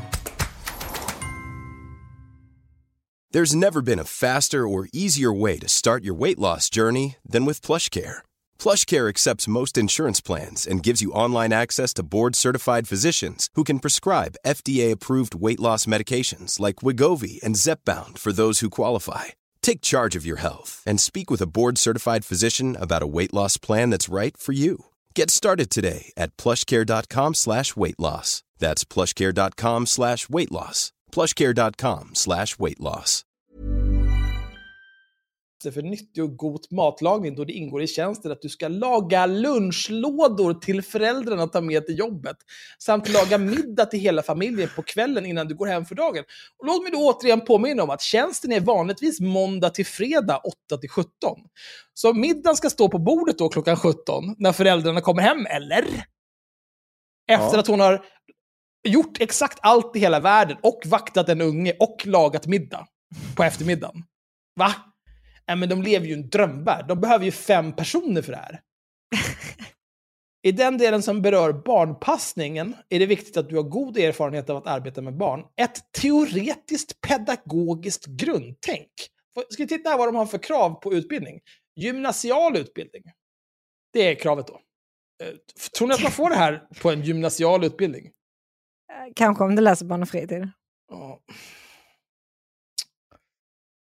Åh. Du som söker tjänsten behöver ha körkort och mycket god körvana. Du kommer Och ett ofta att... extremt självskadebeteende. Ja, det, det där, alltså, det här är inte friskt. Du kommer ofta att få låna en av familjens bilar, både för att kunna köra med barn i bilen samt kunna åka och handla till hemmet. En långsiktig ambition om att vara kvar är viktig.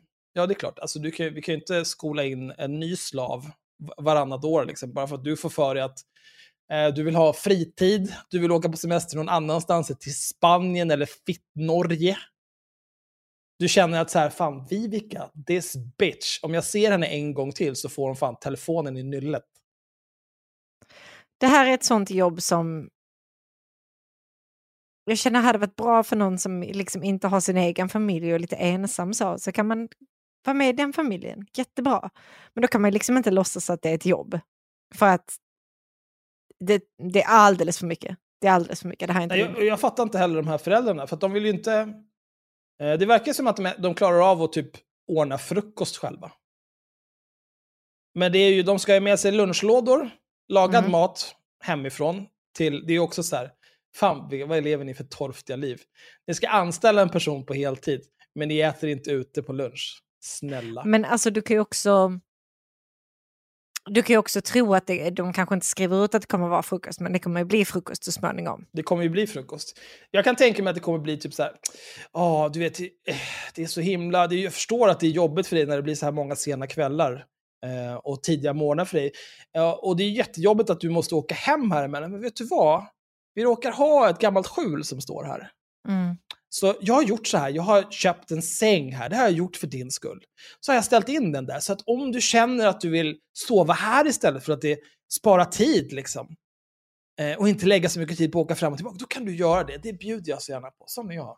En riktig goding. Och sen så kommer det vara någon kväll i Spanien där Vivica och Hervon Laxnacka har druckit alldeles för mycket sangria. Ni vet, står där ute på altanen och dansar lite i uh, månljuset eller någonting. Och sen helt plötsligt inser de att "Ah, fan, vi har en liten tonårstjej här inne som kanske...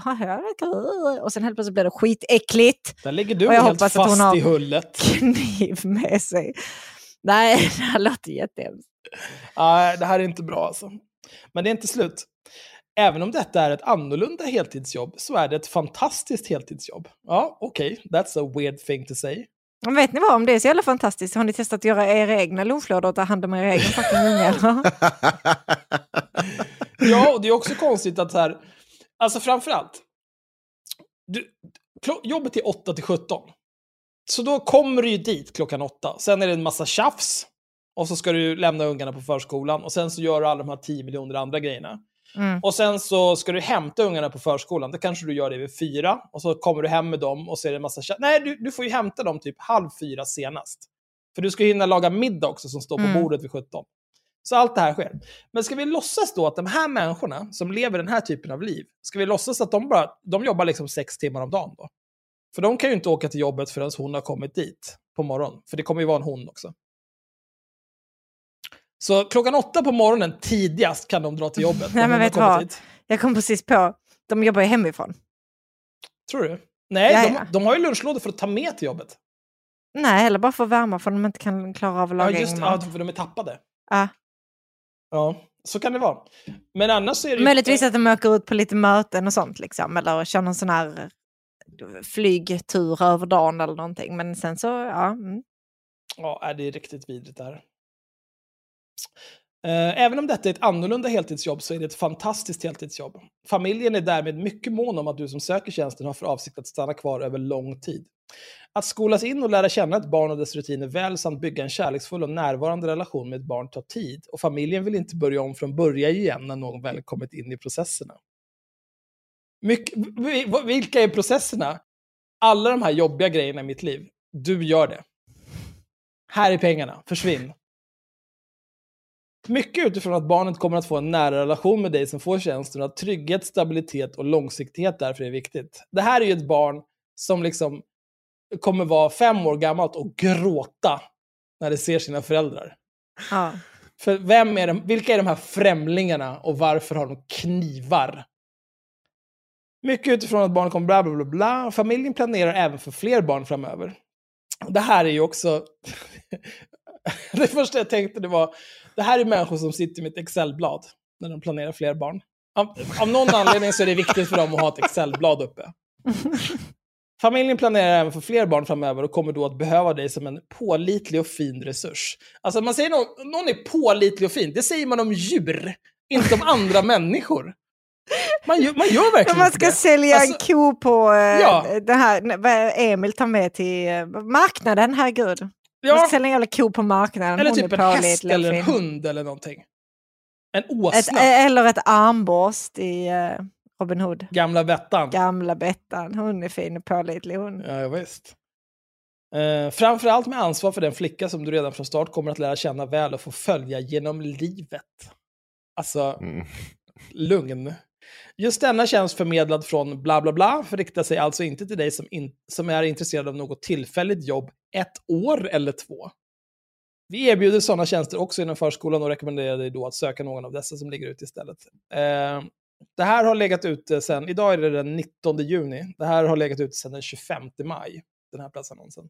Så jag gissar att de har lite svårt att hitta någon som kan eh, ta itu med det här. Eh, sen så på den här tweeten från, som Johanna Andersgård Linder skrev, då var det en person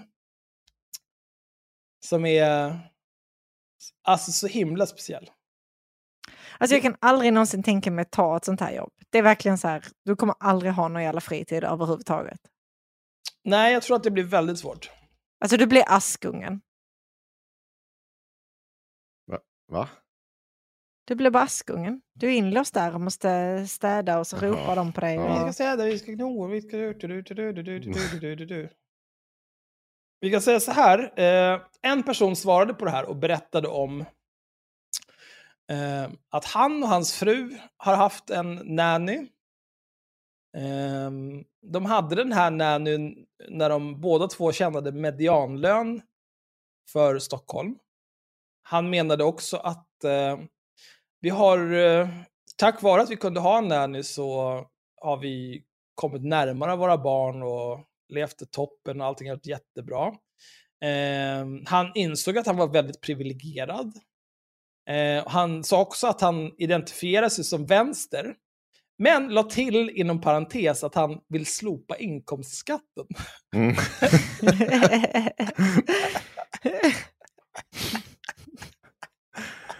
ja.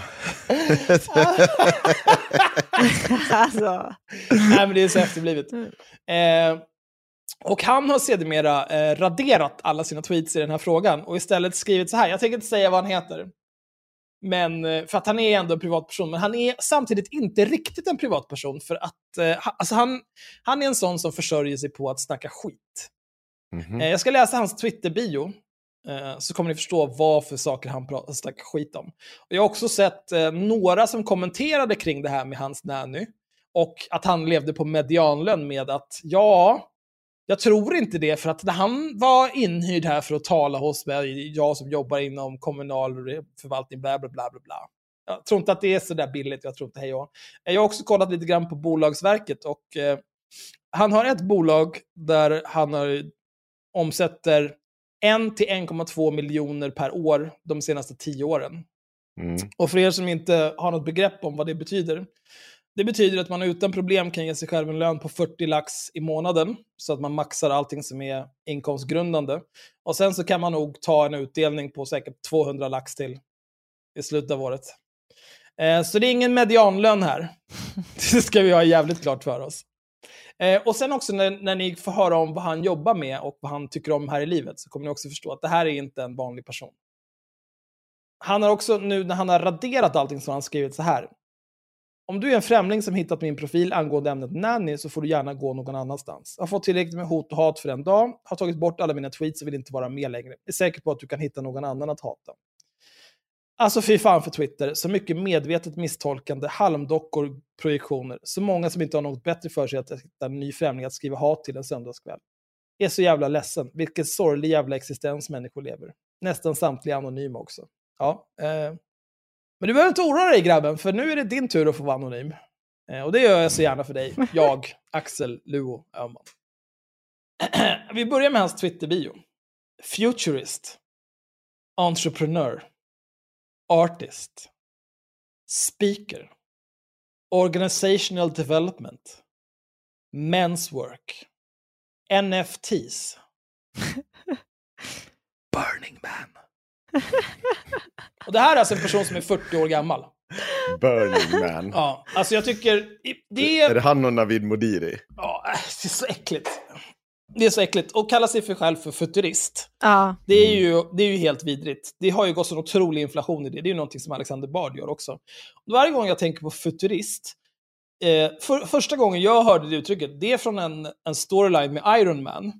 När han är så mest Iron Man han någonsin har varit. När han också är en raging alcoholic och beter sig som ett jävla svin hela Mm. tiden. Om jag inte minns fel så är det då han också får så in i helvete mycket stryk av Tor för att han tröttnar på honom. Eh, Men det, det, det, är, det är de konnotationer jag har till futurist. Och när jag hör någon kalla sig själv till futurist, då känner jag så här, varför säger du inte bara liksom att du är spåman? Eller att du, liksom, du spår i kaffesump? Eller liksom du ser framtiden i en, en, ett barns brumma? För det här är ju bara, det är bara det är på. Det är futurist. Och entreprenör, ja, grattis. Han har två bolag. Jag har väl också två bolag, din jävla lallare. Jag går inte runt och kallar mig för entreprenör för det. Skärp dig! Artist, speaker, organizational development, men's work. Allt det där kan jag tolerera. NFTs? Nej. Non-fungible tokens, som de här fula jävla aporna. Det enda man läser om, om man söker på NFT, det enda man läser om, det är skandal efter skandal över att så här, ja, alla blev fistade. Du köpte den här grejen för en halv miljon. Guess what? Den är inte värd ett skit. Har du testat att knulla dig själv? Och vi kommer komma in mer på det här med NFTs bland annat. För att eh, hur mycket man än håller på och beter sig. Eh, han, han sa ju att han har raderat allt, men han har inte det. Han har till exempel inte raderat eh, sina eh, Facebook-poster från oktober 2021. Ingen stor grej. Eh, här skriver vi så här. Du har bara stakat honom på alla sociala medier. Är det det? Jag- Om du tror att man kan få göra så här och bete sig på det här viset utan att bli fully doxed, då tror du fel. Men så här. Eh, han skriver så här den 1 oktober 2021. Come with us to Mexico. For three months from December 1st to February 28th. Bla bla bla bla bla bla bla bla bla och and I will move to San Jose del Cabo. Det, den han, en av dem han pratar om är hans fru. Ja, Och det är, hon- det är hon som är her här. ja. Will work on her new exciting NFT textile artworks. ja. Mm. De ska flytta till nej, men hör, ni, hör ni vad det här är för någonting? Hon håller på och gör konst i textilier och gör NFT av det. Alltså den här, det är liksom en familj av charlataner. Launching soon. Join the local bubbling burner community at Crania. Hang out with blah, blah, blah, blah, blah, blah, and blah, blah, blah at Hotel El Ganso. Join the Mayan warrior for an epic new year. See whales and dolphins and play in the sun with our kids. Come join us for a week, a month, or maybe three. Need to work? We're working from there too. Have kids? Bring them. Don't have kids? You can borrow ours. Brr. Ja, uh, bla bla bla.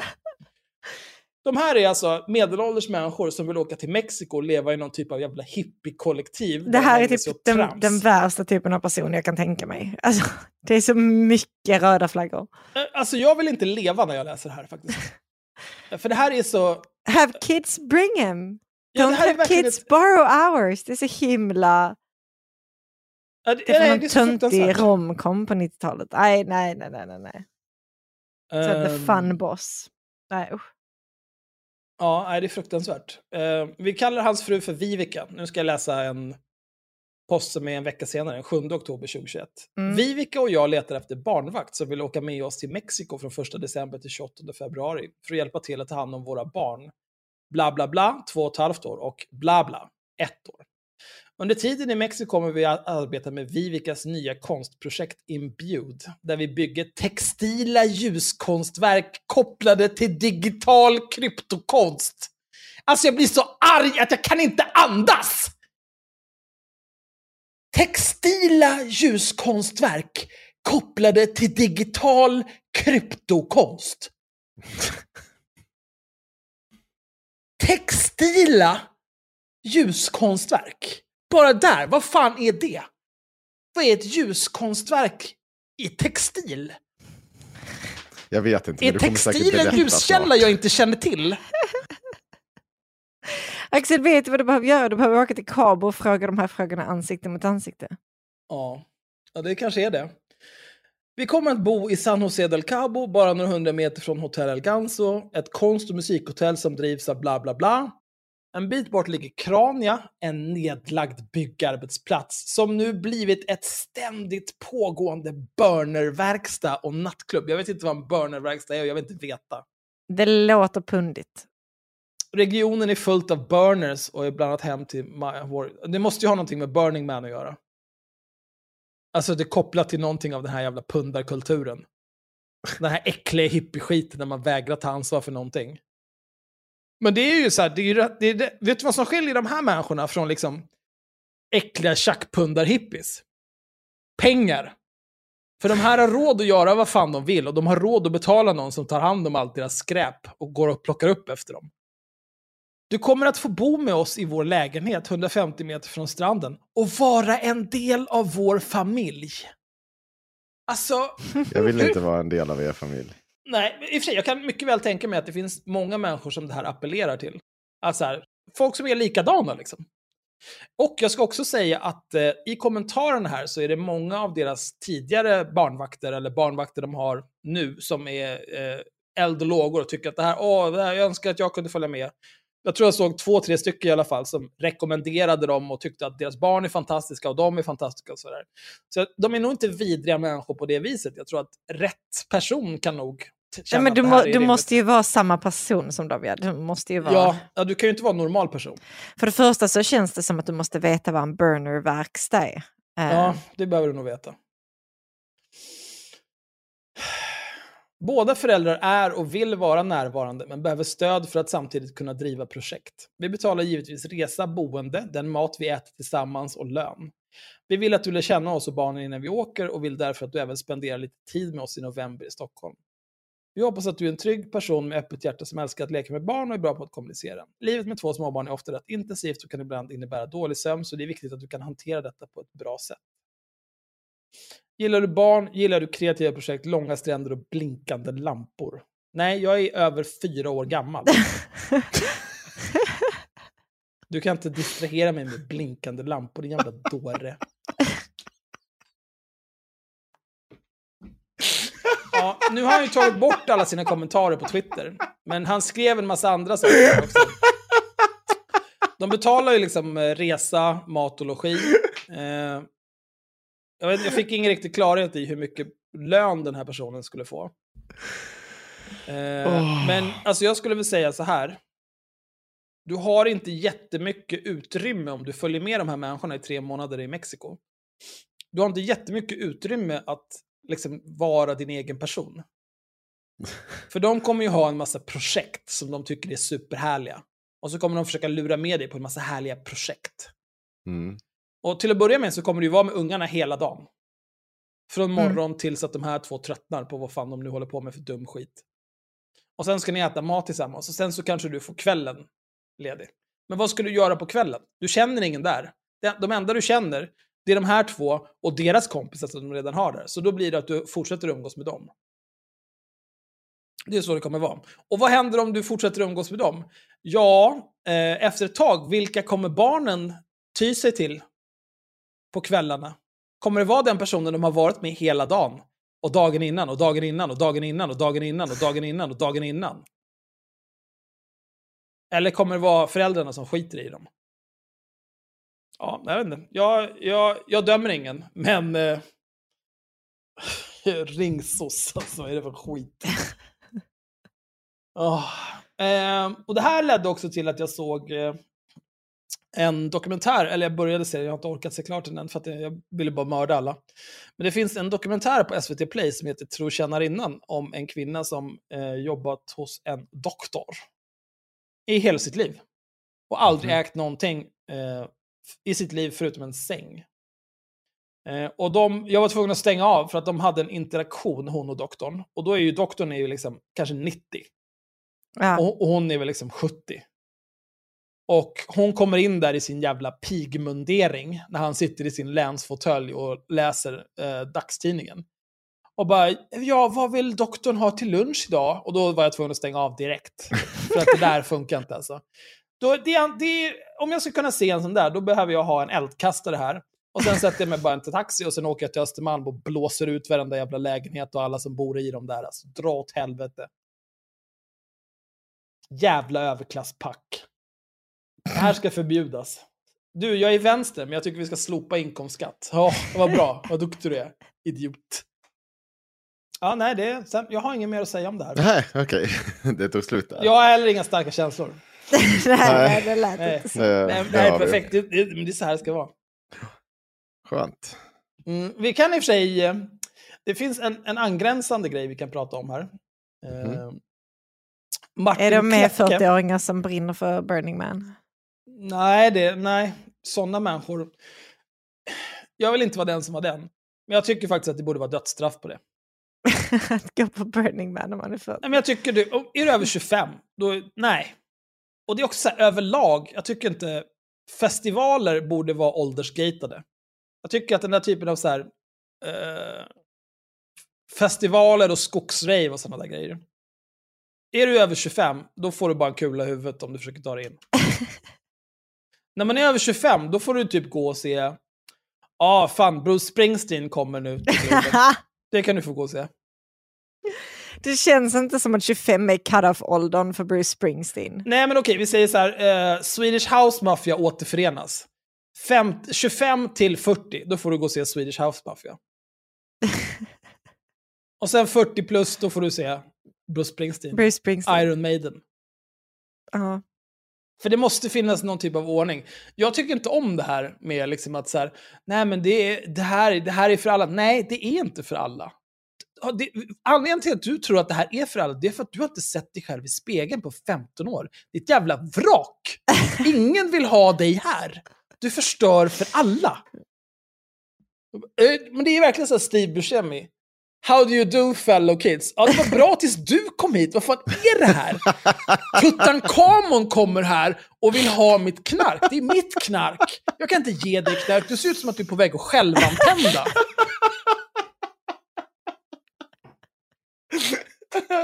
Det är så äckligt. Om folk bara kunde agera sin ålder. Så sa han som sitter dag ut och dag in och skriker horung i en podd. Jo, men det är, horung är forever. Ja, jo, jo. Du skulle ju rikta in dig på att jag precis har köpt rollspelsböcker för 2 500 för att spela WoW hela dagarna istället. Men, men det är också det som är skillnaden. Det är ingen som kan, det är ingen som kan gatekeepa WoW från mig. Alltså, För jag har 3000 tänk om du missar precis universums öppnaste mål. Du, liksom, du tappar någonting och missar marken, det är helt sjukt. Ja, fy fan. Ja. Nej, jag inte. Det är inte lätt att vara så jävla elite som jag är, men någon måste vara det. Och, och nu när jag sa elite, då kommer jag att tänka på D-light. Från min ungdomsdagar. Ni är säkert för unga för att minnas detta. Groove is in the heart. Vet ni ens vad jag pratar om då? Nej. Det är det här jag menar. Gatekeepa saker och ting. D-light är inte för er, det är för mig. Det är för min generation. Vad är groovies in the heart? Skit du i det ungjävel. Kalla. Jag blir så jävla arg. Vi vet ju om att du bara är kompis med mig för att jag håller dig ung också. Fast gör du det? Vilket, vilket är ju ett problem nu när jag börjar bli gammal. Ja. Nej, vänta. Här. 30 plus och döende. Eh, vi ska läsa en ledare här av... Vänta. Jaha. Grooves in the heart. Ja, visst. Den på Oj, det är väldigt trippy för att det spelar... Eh, Olika kanaler, ja. nu är det bara trummor i den hörluren. Åh, nu kom det annan ja i den var, här hörluren. Det var så det var på eh, början av 90-talet.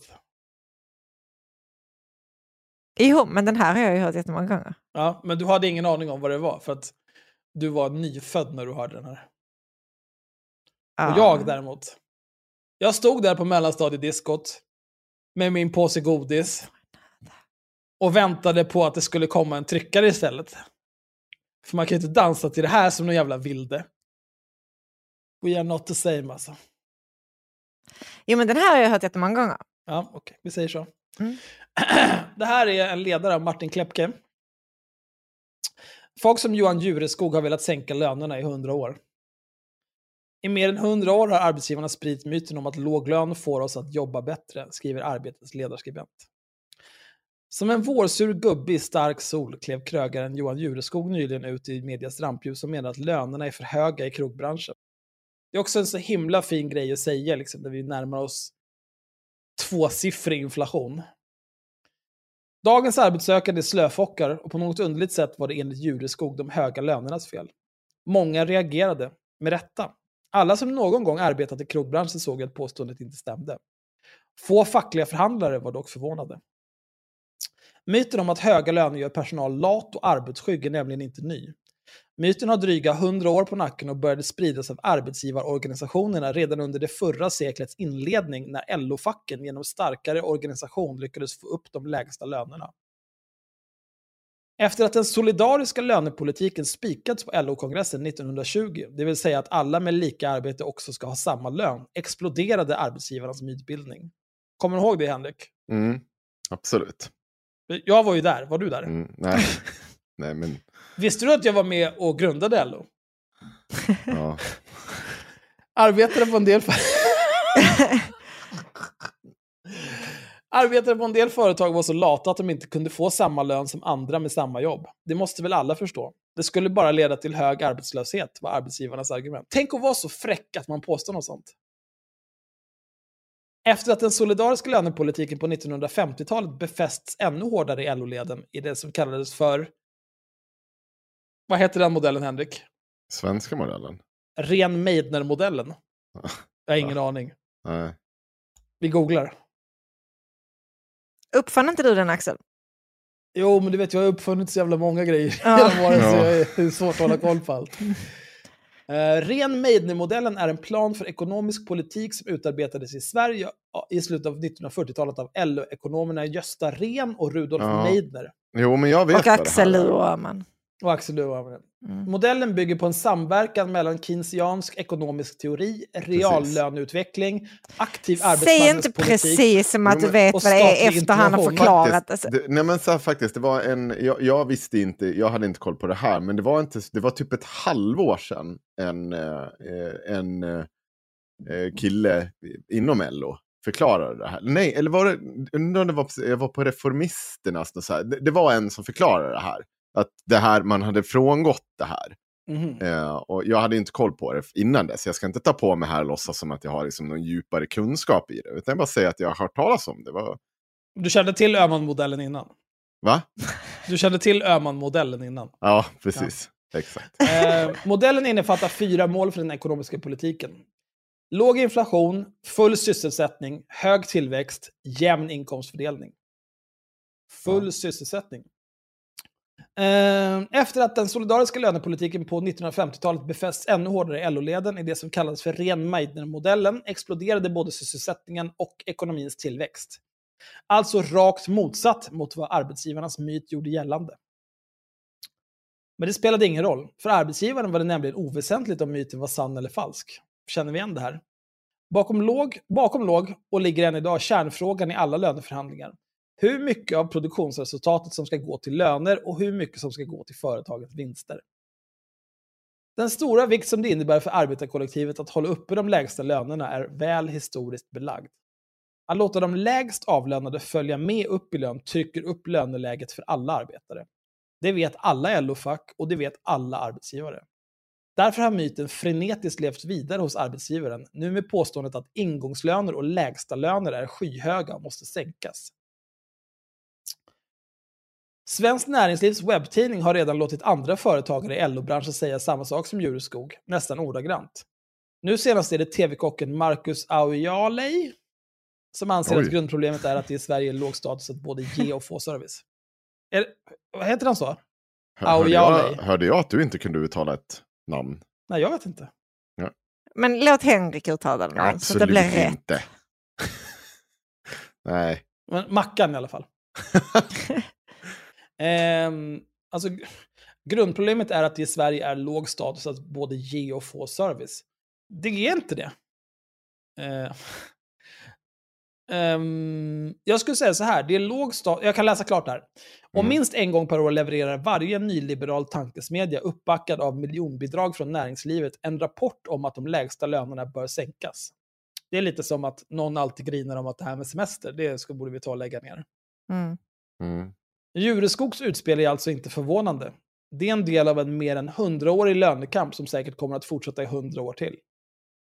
Och därför låter arbetsgivarsidan oförblommerat enskilda företagare haspla ur sig förnedrande omdömen om arbetare med låga löner. Ja, det är helt sjukt faktiskt att Jureskog, en arbetargrabb från Sumpan, håller på sådär. Mm. Men det här med att det är låg status att både ge och få service. Eh, jag skulle säga att det är osant. Till viss del. Men mycket av att det liksom är ett lågstatusyrke att jobba inom restaurang. Det är för att dels är det väldigt stor variation beroende på vilken restaurang du jobbar på. Um, det, finns ju liksom, det finns ju restauranger där du kan börja jobba som eh, inte, diskare eller runner eller vad som helst idag. Bara du har ett par armar och ben som fungerar och typ ögon och en, en Mm. halvt fungerande hjärna. Och sen så finns det ju restauranger där du liksom, du behöver klara av att eh, duka på diverse olika sätt och vis utan att någon håller dig i handen och så vidare. Och det förväntas lite mer när det kommer till att para mat med vin och så vidare och så vidare. Men jag skulle gissa att eh, en stor del av att det är, ses som ett lågstatusyrke är för att du behöver egentligen inte kunna någonting för att komma in i restaurangbranschen. Sen är det såklart bättre om du har gått på någon så här, eh, något, gymna något gymnasieprogram med inriktning på det här. Kallskänka eller vad fan de nu håller på med. Kockskola. Men det går ju också bara att köra. Så finns det många yrken som är, och det finns också en väldigt bredd. Det är samma sak med data. Du kan börja jobba med data imorgon. Jag, jag kan nästan garantera att om jag får en, en människa med en fungerande hjärna, på ett halvår så kan jag göra den till en gud bland insekter när det kommer till data. För det är också extremt enkelt. Och det enda du behöver är liksom någon som visar dig hur du gör. Mm. Jag hoppas att du hittar den personen någon dag, Axel. Någon som kan visa mig hur man gör. Ja. Vet du är vad, inte så Sanna? Bra på detta än. Vet du vad, Sanna? Ja. Puss. det är allt jag har att säga dig. Ja. Men eh, ett sätt att höja statusen på yrken, det är ju någonting som man skulle kunna göra då, är ju till exempel att höja lönerna. Mm. Ehm, Eller höja kompetensnivån. Ja, eh, och, och liksom, det är också så här... Det, det är många faktorer som spelar in. Börjar du jobba på något ställe i restaurangbranschen, du, de, de kommer inte lägga jättemycket tid på att skola in dig och lära dig saker. Eh, för att de vet att liksom så här, om du inte funkar, då kan du bara dra åt helvete så tar de in nästa person. Och när du, du som anställd är inte heller lika engagerad i det, för du vet att om de här är horungar, då kan du bara dra och ha ett nytt jobb imorgon. I samma bransch, för att ingen bryr sig, alla bara kör. Men om du kunde liksom ta sig samman. Um, och liksom så här, ja men eh, kanske inte att du kan komma in som diskare uh, och så här få en career path. Ja, men jag tänker att uh, du börjar som diskare nu och så inom sju år då ska du vara sommelier. Det kanske är lite mycket begärt. Särskilt nu när de har, eh, alla typer av diskarjobb har väl gått till någon slags stackars EU-migranter som är här och jobbar för jordnötter och sover i någon källare. Jag vet inte riktigt vad, vad de kan göra och vad jag, vad, vad jag tycker om det här, förutom att är man någon typ av så här miljonärskock, då vill jag att du håller käften om sådana här saker. Jag vill inte höra från någon som sitter och betalar löner att folk tjänar för mycket pengar när de själva är miljonärer. Nu, jag menar inte det här riktat mot någon specifik person, men jag tycker att om man beter sig på det viset, då borde man giljotineras. För det är en lösning som har fungerat förut på den här typen av vanföreställningar. Ja, det var... avslutar vi med ett litet mordhot där. Trevligt. Nej, är, jag presenterar en lösning på ett samhällsproblem. Ja, jo, jag, jag hör dig Axel. Jag hör dig. Mordhot. Ja, jag tar Mm. avstånd. Mm. Från det här du, du, de här mordhoten du uttrycker nu. Mm. Sitt inte och uh, brunsmeta Axel här nu. Precis. Mord, mordsmeta. Ska försöka undvika det. Ja. Har ni Känner vi oss mer? nöjda där? Jag vill aldrig mer nu. Nej, Det är Ja, bara jag ändå känner mig nöjd. 42. Det är ju ingenting. Jag, Ska det vara så här? Så jag, kan, jag kan ta en grej som jag tyckte var jävligt rolig. Eh, så snabbt så här. Eh, alla vet ju, eller alla har ju hört att Joakim Lamotte har slutat. Eh, fast har han verkligen slutat? Jag är inte så jävla säker på det. Eh, utan snarare så är det ju så att han, han har ju redan börjat swisha pengar igen. Ja, Eh, för vad? För att han ja, är men för, utsatt att, eh, för att någon, eh, någon eh, ja, men för att den här Erik Nord var helt konstig. Det var visserligen helt Det var ett extremt konstig grej att skriva. Riktigt jävla konstig sak att säga om. Och eh, det, alla vet att vi inte är någon fans av Lamotte, men vi kan ta Men- vad han skriver. Ska- får jag bara ta en liten sidebar här först Ja. nu?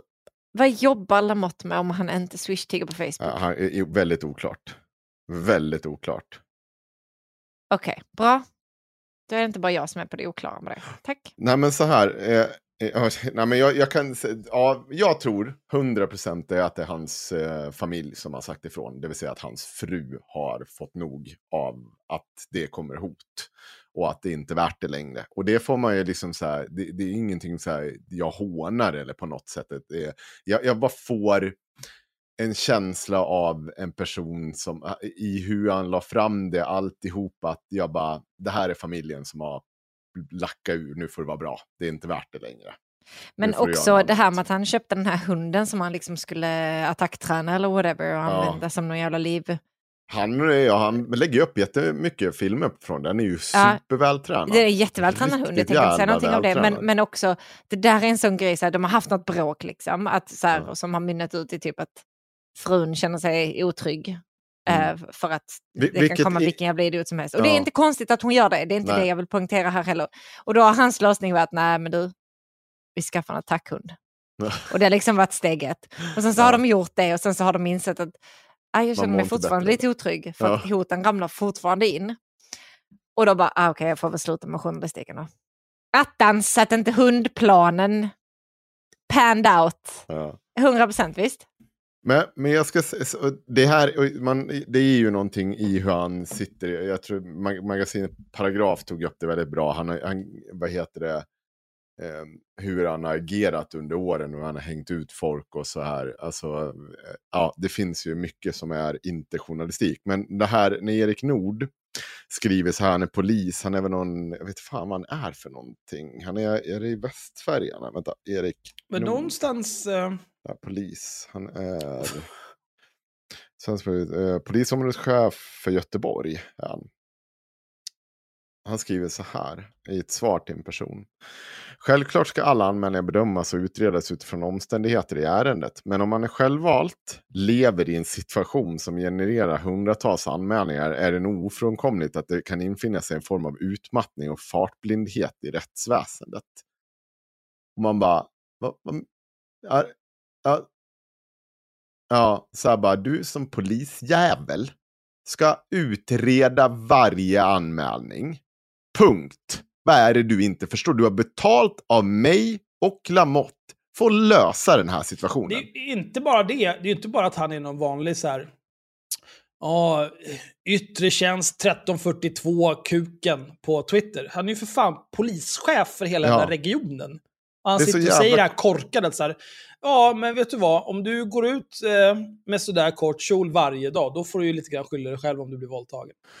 Ja, och vi, det, det är ju det här vi har upplevt också när vi satt och, ja de avsnitten finns bakom Patreon, men när vi gjorde de här anmälningarna, och man märker att polisen bara, nej men så, jag tycker du är lite dryg. Jag tänker inte engagera mig i det här. Och Och det är det man säger, men du, du har betalt för att engagera dig i det här. Du, du får titta på det här lite mer objektivt än vad du tycker om den och den personen. Alltså det, det här håller inte att sitta och säga sånt här i offentligheten. Det ger ju framförallt ett jävla missförtroende riktat mot polisen. Vad fan ska jag tro om, om när jag blir tvungen att gå och anmäla?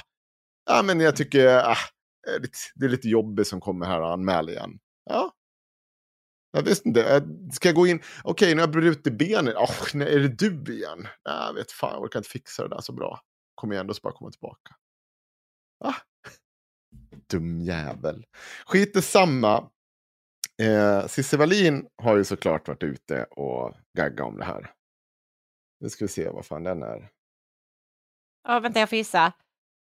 På något sätt vänder hon det till att det handlar om sig själv. Jag kan läsa det. Smaklöst att hurra över detta. Då är det eh, Joakim Lamotte slutar som journalist. Efter närmare 20 år slutar reportern Joakim Lamotte att arbeta som journalist. Han är inte, arbetar inte som journalist. Nej. Jag ser otaligt eh, feminister och andra nu klappa händer av att jag Lamotte meddelar att han tvingas sluta med sin, eh, sin grej i offentligheten på grund av hot mot sin familj. Är ni Sin så vad? banal? Vad? Han måste sluta med sin vad? Att han tvingas sluta med sin grej i offentligheten Sin på grund av hot mot okej. sin eh, Mm. familj. Är ni så banala och populistiska att ni inte kan lyfta blicken här? Ingen journalist eller opinionsbildare ska hotas eller tystna sin demokrati. Det är för, eh, förkastligt och, en stor, och ett stort misslyckande för yttrandefriheten. Och jag säger det trots att jag tycker att Lamotte är en på många sätt självdistanslös eh, fjant som till exempel polisanmäler mig för att jag skojat om honom. Han ska ändå inte tvingas lägga ner sin verksamhet för att folk inte kan ge fan att ge sig på hans familj och privata sfär. Eh, så det skriver han. Hon. Hon, hon, förlåt, oj, felkönade Cissi Wallin, det vill man ju inte göra. Nu ska vi se här, jag ska ta fram en liten grej här. Eh, 28, 26 september 2018. Debatt.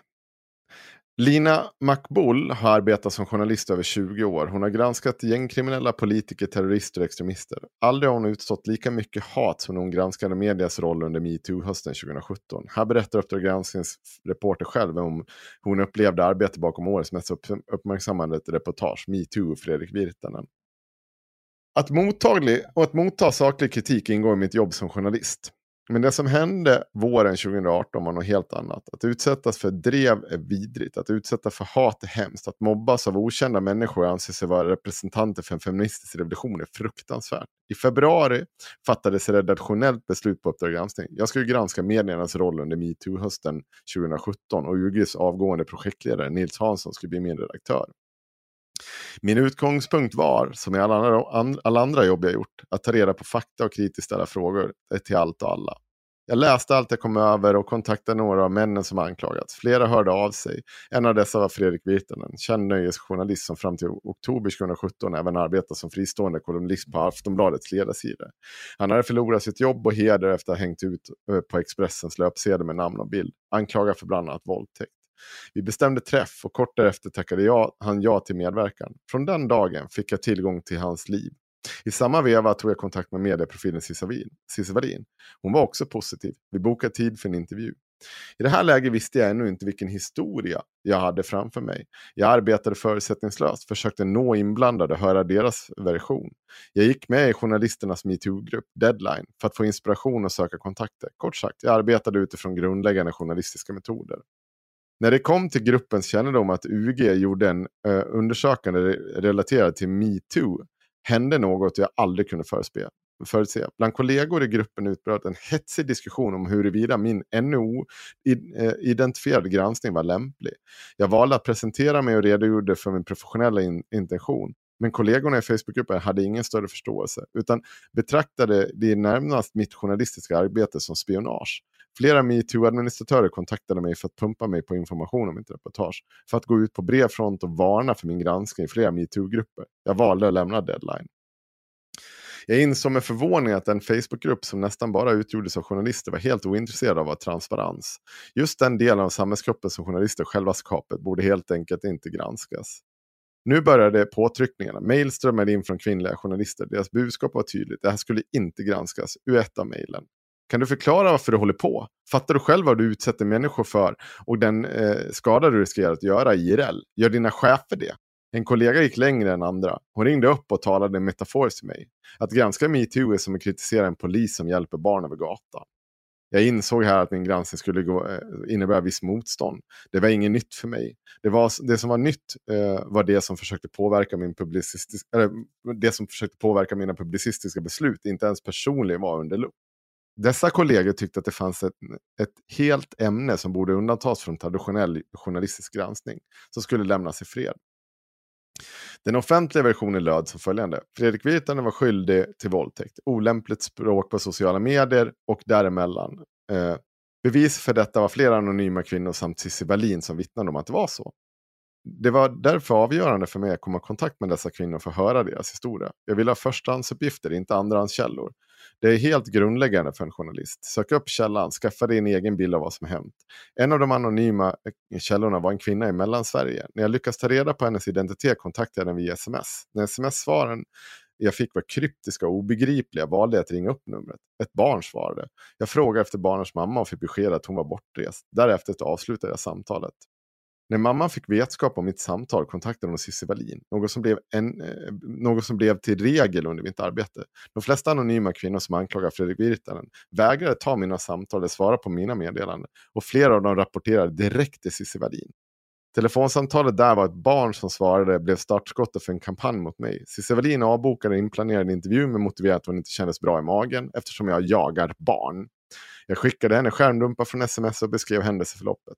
Jag var aldrig orolig. Mitt agerande var standardfarande. Cissi Wallin hade själv jobbat som journalist inom public service och skulle förstå att vissa nummer används av barn trots att nummer är listat på en förälder. Det gjorde hon inte. Den 27 mars kom hennes första inlägg på Instagram. Citat. Deras agenda är att hitta någon som sänker oss. Visa på att vi ljugit och uppviglat, gå över en gräns. Det är inget tvivel om att de försöker gräva fram. De jagar polisanmälningar, våra vittnen i dessa, ringer målsägandes barn och förklarar bort det som misstag. Ändå fortsätter de prata med barnet och be om att få kontakt med mamma. Och andra uppenbara övertramp i jakten på sanning. UGs redaktionsledning kallade till ett möte och beslutade om att man skulle svara på anklagelserna. Ett beslut som med facit i hand var mycket tveksamt.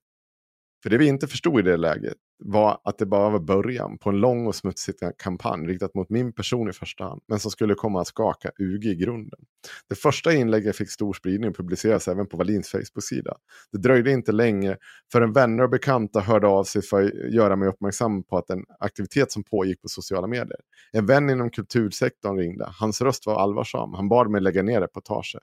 Han försökte förklara att jag inte visste vad jag gav mig in på. Att ifrågasätta Cissi Wallin att kasta skit på hela metoo-rörelsen. Det spelar ingen roll vad som var sant eller inte.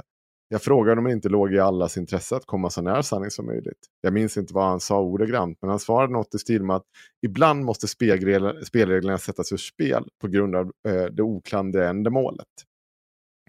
Den 17 april skrev Cissi Wallin på Instagram att jag sysslar med häxbränning, bara lite nyare tappning. Hon skrev att hon hade bevis men presenterade inga. Vidare sa hon att alltså, veta att x antal anonyma brottsoffer var rädda för att jag jagat och pressat dem. Sen publicerade hon de frågor jag skickat till henne i förväg. Jag och Nils Hansson hade kontaktat henne igen. Vi ville göra vårt yttersta för att alla parter skulle få uttala sig i reportaget. Men hon intention slog fel. Speciellt en av våra frågor väckte raseri. En fråga jag ville, bara jag, jag ville ställa därför att Cissi Wallin själv uttryckte att hon eh, är en makthavare och för att hon är att betrakta som ansvarig utgivare när hon publicerar sig för tiotusentals följare. Frågan handlar om Fredrik Virtanens närmaste. Tänkte du på konsekvenserna för hans familj? Men frågan missförstods. Men man valde att tolka det som att jag undrar om hon tänkt på den påstådda gärningsmannens familj när hon gjorde sin polisanmälan 2011. Det framgick tydligt av mina frågor att jag avsåg tidpunkten för Cissi Wallins publicering på sociala medier hösten 2017. Fem år efter att polisutredningen mot Fredrik Virtanen lades ner. Frågan hade redan ställts till henne vid två tillfällen, i Resumé och P1 söndagsintervju, utan att det ledde till några reaktioner. Trycket ökade på Uppdrag Feministiska tidskrifter ringde. Folk krävde svar och UG svarade. Men det spelade ingen roll. Tre dagar senare, den 20 april, gick Cissi Wallin ut i nya påståenden. Hon påstod att Uppdrag granskning jagade henne trots att hon tackade nej till medverkan. UG skulle ha smygfilmat henne på knut, knytbrusmanifestation i Stockholm. En kollega namngavs. Inget av detta var sant. Men påståendet fick fäste och följarnas kommentarer rasade. Cicelin fortsatte publicera inlägg om mig och Uppdrag granskning. Hon påstod gång på gång att vi jagade brottsoffer och skuldlade dem. Hon refererade upprepade gånger till dystopiska serien The Handmaid's Tale. om ett totalitärt samhälle där kvinnor förtryckts, våldtas och bara, bara har existensberättigade för sin fertilitet. I kommentarsfältet uppmanas anhängare att anmäla alla Eh, det ännu inte färdigklippta eller publicerade programmet till Myndigheten för press och radio och tv. Jag själv skulle anmälas till mitt eget fackförbunds yrkes, e- e- etikiska nämnd. Min fackliga representant inom SJF var vänlig nog att hjälpa Cissi Wallins upprörda följare genom att direkt i tråden beskriva tillvägagångssättet vid en sån anmälan. En person, var, en person var särskilt aktiv. Han gick in flera gånger i trådar och skrev att reporten heter Lina Makbul. Han länkade till mitt konto på Instagram och ledde den uppretade folkmassan mot mig. Man rotade i mitt förflutna, använde uppgifter om mig, förvanskade dem och gjorde dem till att framställa mig som en vedervärdig person. Man var ute efter min trovärdighet. Jag stängde ner mitt Instagramkonto. Jag måste uppehålla mig en stund vid hatet. Det var vid den, eh, vid den mardröm som uppstår när falska anklagelser viner genom luften, när hundratals främlingar sveps med, när fakta inte biter, när sanningar sålts på auktion och folkdomstolarnas pöbel marscherar genom sociala medier i jakt på mer blod. Det handlar om människor som säger, upp, eh, säger sig stå upp för det goda. Några av dem satt på min arbetsplats. En anklagelse återkommer vid flera tillfällen. Det är att jag, Lina McBull, skuldbelägger brottsoffer och, att det kom, eh, och där kommer vi till den springande punkten till det som rör grundprincipen i vårt rättssamhälle, demokratiska grundvalar. En människa har rätt att betraktas som oskyldig till motsatsen är bevisad. Eh, jag ska se om jag ska läsa hela, för det är ganska långt.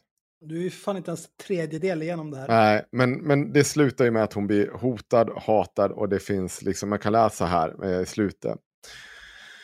Eh, jag tog skärmdumpar på nästan samtliga hatiska och hotfulla kommentarer. Jag har sparat dem och, under, eh, och undrar hur människor som säger säger sig till parti för kvinnors rättighet kan uttrycka sig här mot en kvinna. Det är omdömen om mig som nu följer är tagna från kommentarer till en enda postning av Cissi Wallin. Psyksjuk. Jag, hade velat ge henne en smocka vid första frågan. Det finns en speciell plats för helvete för kvinnor som henne. Smutsig attityd av reportern vill klubba henne i huvudet. Borde få sparken. Vidrig människa. Känslokall. Vilken liten människa hon är denna lina och urusel journalist. Motbjudande. Önskar tyvärr att den här jävla satkärringen till reporter döden. Ja, det är ganska hårt där. Eh, vill ni veta hur Cissi Wallin svarar på det här? Ja, eh, så här.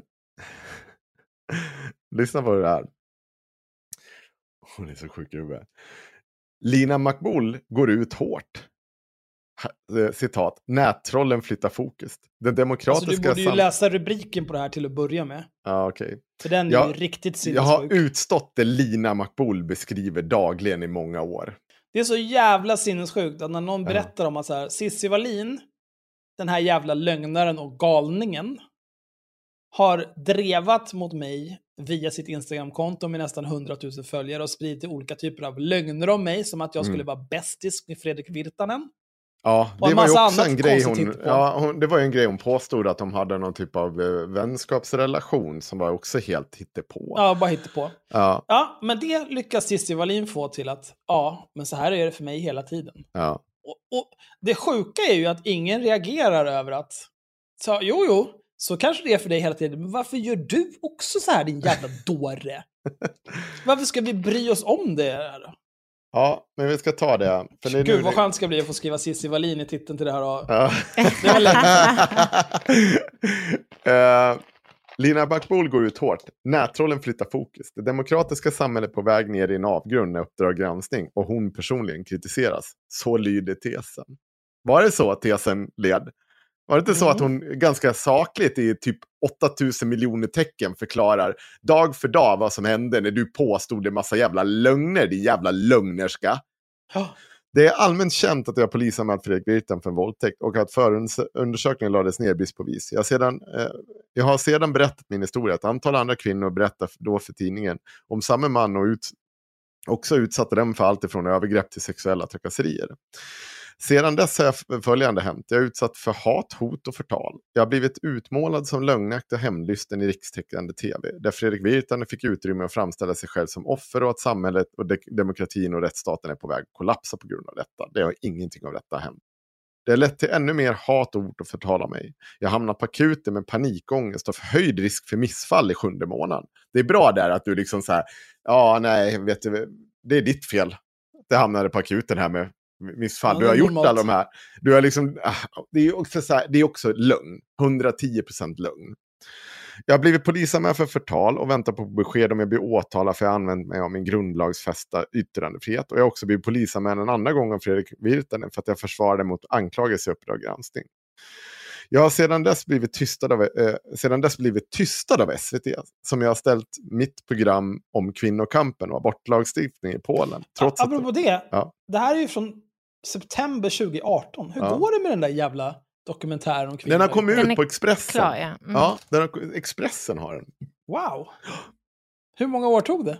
Ja, Jag vet inte, det, den tog nog lång tid innan den var klar. Men i alla fall, jag har förlorat flera andra uppdrag. Vänner och kollegor har vänt mig ryggen. Och fast det är ju det för att du är en galning. Och jag blir angripen i en lång Anledningen till drap. att hon, Ja. folk vänder henne ryggen, det är ju för att hon... De, de har huggt, hon har huggt dem i ansiktet Ja. så många gånger att de orkar inte fler jävla knivar. Så de bara, hörru du, hugg mig i ryggen också. Så här. Hugg mig medan jag går. Passa Ja. på, din jävla dåre. Eh, vänner och kollegor har vänt mig ryggen och nu blir jag angripen en lång drapa i journalistens branschorga, branschorgan där konspirationsteorier läggs fram om att jag förföljt en reporter och dirigerar med av nättroll. Lyssna nu här, för det här är det som är intressant. Hat, hatet, dreven, hoten mot oss journalister och medieprofiler är oacceptabla. Men tyvärr vardagsmat för oss som främst verkar inom den digitala världen. Det är baksidan av den avskalade och ofta anonyma direktkontakt med publik som sociala medieplattformar innebär. Jag, har- jag har utstått det Lina McBull beskriver dagligen i många år. Men att reducera befogad ilska från sin publik till ett drev eller hat är att dribbla bort något viktigt. Ska jag läsa citaten här igen? Ska vi ta de här citaten? Psyksjuk. Jag vill ge henne en smocka vid första, eh, vid första frågan. Önskar tyvärr den här jävla satkärring till reporter döden. Smutsig attityd av reporten vill klubba henne i huvudet. Det finns en speciell plats i helvete. Är det här befi... Vä- vänta nu. Det, det är så jävla konstigt när man hela tiden försöker vända på alltså, det, spinna om det här. Det, det är så jävla sinnessjukt. Och nu sitter hon så här. Vad var det hon sa om Lamotte nu igen? Kommer ni ihåg det? Nej. Nej, man skulle inte ge sig på personen och dess familj. Och hej och hå. Nej. Ja. Men det här är ju sånt du har sysslat med. Du har ju, det är smutsigt Cissi Wallin. Och vi vet ju att du har gjort det här. Du, det är inte bara mot Lina. Det är mot en hel drös andra personer också. Alla vet det här om henne idag. Det är därför hon inte har några riktiga kompisar. Det är därför hon är ensam. Det handlar inte om att hon har fått utstå... Alltså, jag är helt övertygad om att det finns idioter som ser att hota henne också. Och precis som Axel sa, snälla du. Varför skulle det då vara okej om du gör likadant mot andra? Din... Det är exakt 24 nivå på den här jävla pajasen. Men eh, en positiv sak kommer ju av att Lamotte lägger ner. Jaha. Vadå? Jo, men det är ju den här... Eh, den här granskningen av Lamottes följare som Myra har jobbat med sedan hösten 2019. nu behöver hon ju faktiskt inte publicera den eftersom det är ju inte relevant längre. Kan ju bara skita i det. Det är så jävla smart. Så sjukt jävla smart Axel. Ja. Nej, men det är väl bra. Då kan hon ju skänka den där, eh, de där pengarna. Vad var det? Tillräckligt med pengar för att jobba heltid med det där i en vecka. Ja. Kan hon skänka det till RFSU eller vad det var hon skulle... Någonting. ja. Det kan man göra. Mm. Ja, Nej, men det är bra. Nu vill jag sova. nu är det, nu är Är det bara för att du ska gå upp och jobba om fem timmar? Ja, Mm. det är det. Jag förstår det. Jag kommer ha en väldigt lång dag. Ja.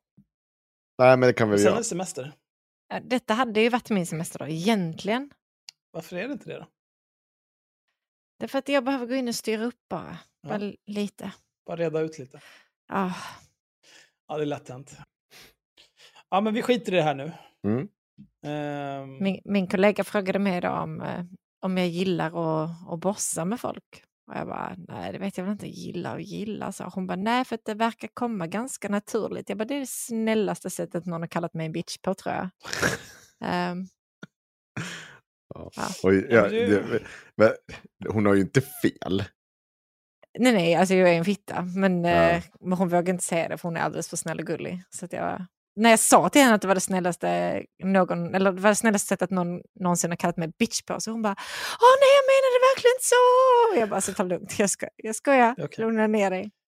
Hon är men säger du sådär om en gång till, då kan du packa din skit. Eller? 100 procent. Ja. 100 procent. Det där tar jag inte. Inte från dig. Mm. Nej, så är det. Eh, ja, Ska vi åka till Burning Man? Absolut inte. knulla dig själv. När fan är Vi, vi är inte 45 år gamla med hästsvans. Axel. Burning Man? Söndag 28 augusti till måndag Nej, men det är 5 för att er hårväxt är så fruktansvärt dålig. Annars Let's hade ni också kunnat vara på go! Burning Man.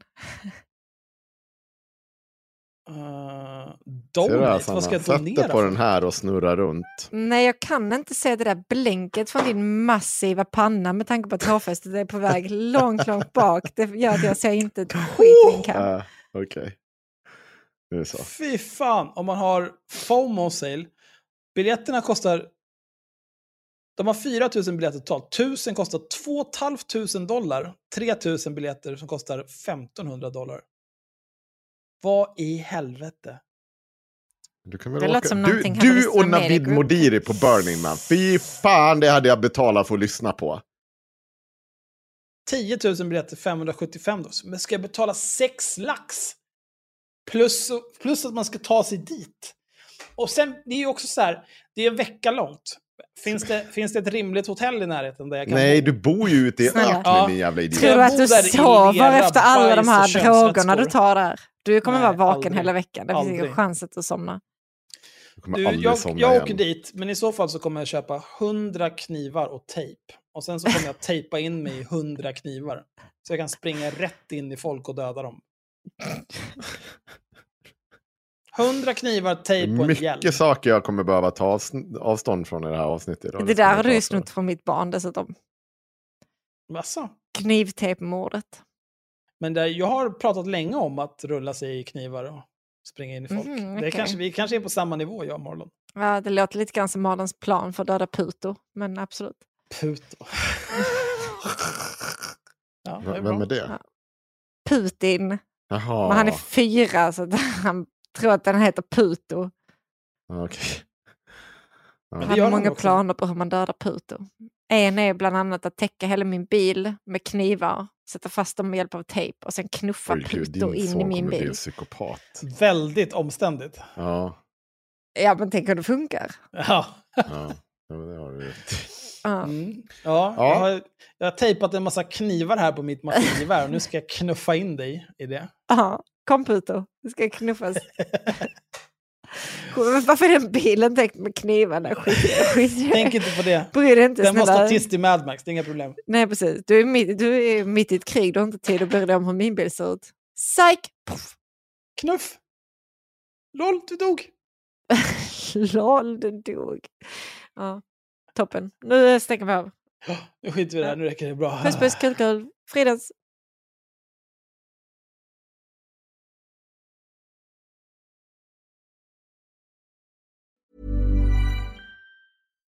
Here's a cool fact a crocodile can't stick out its tongue.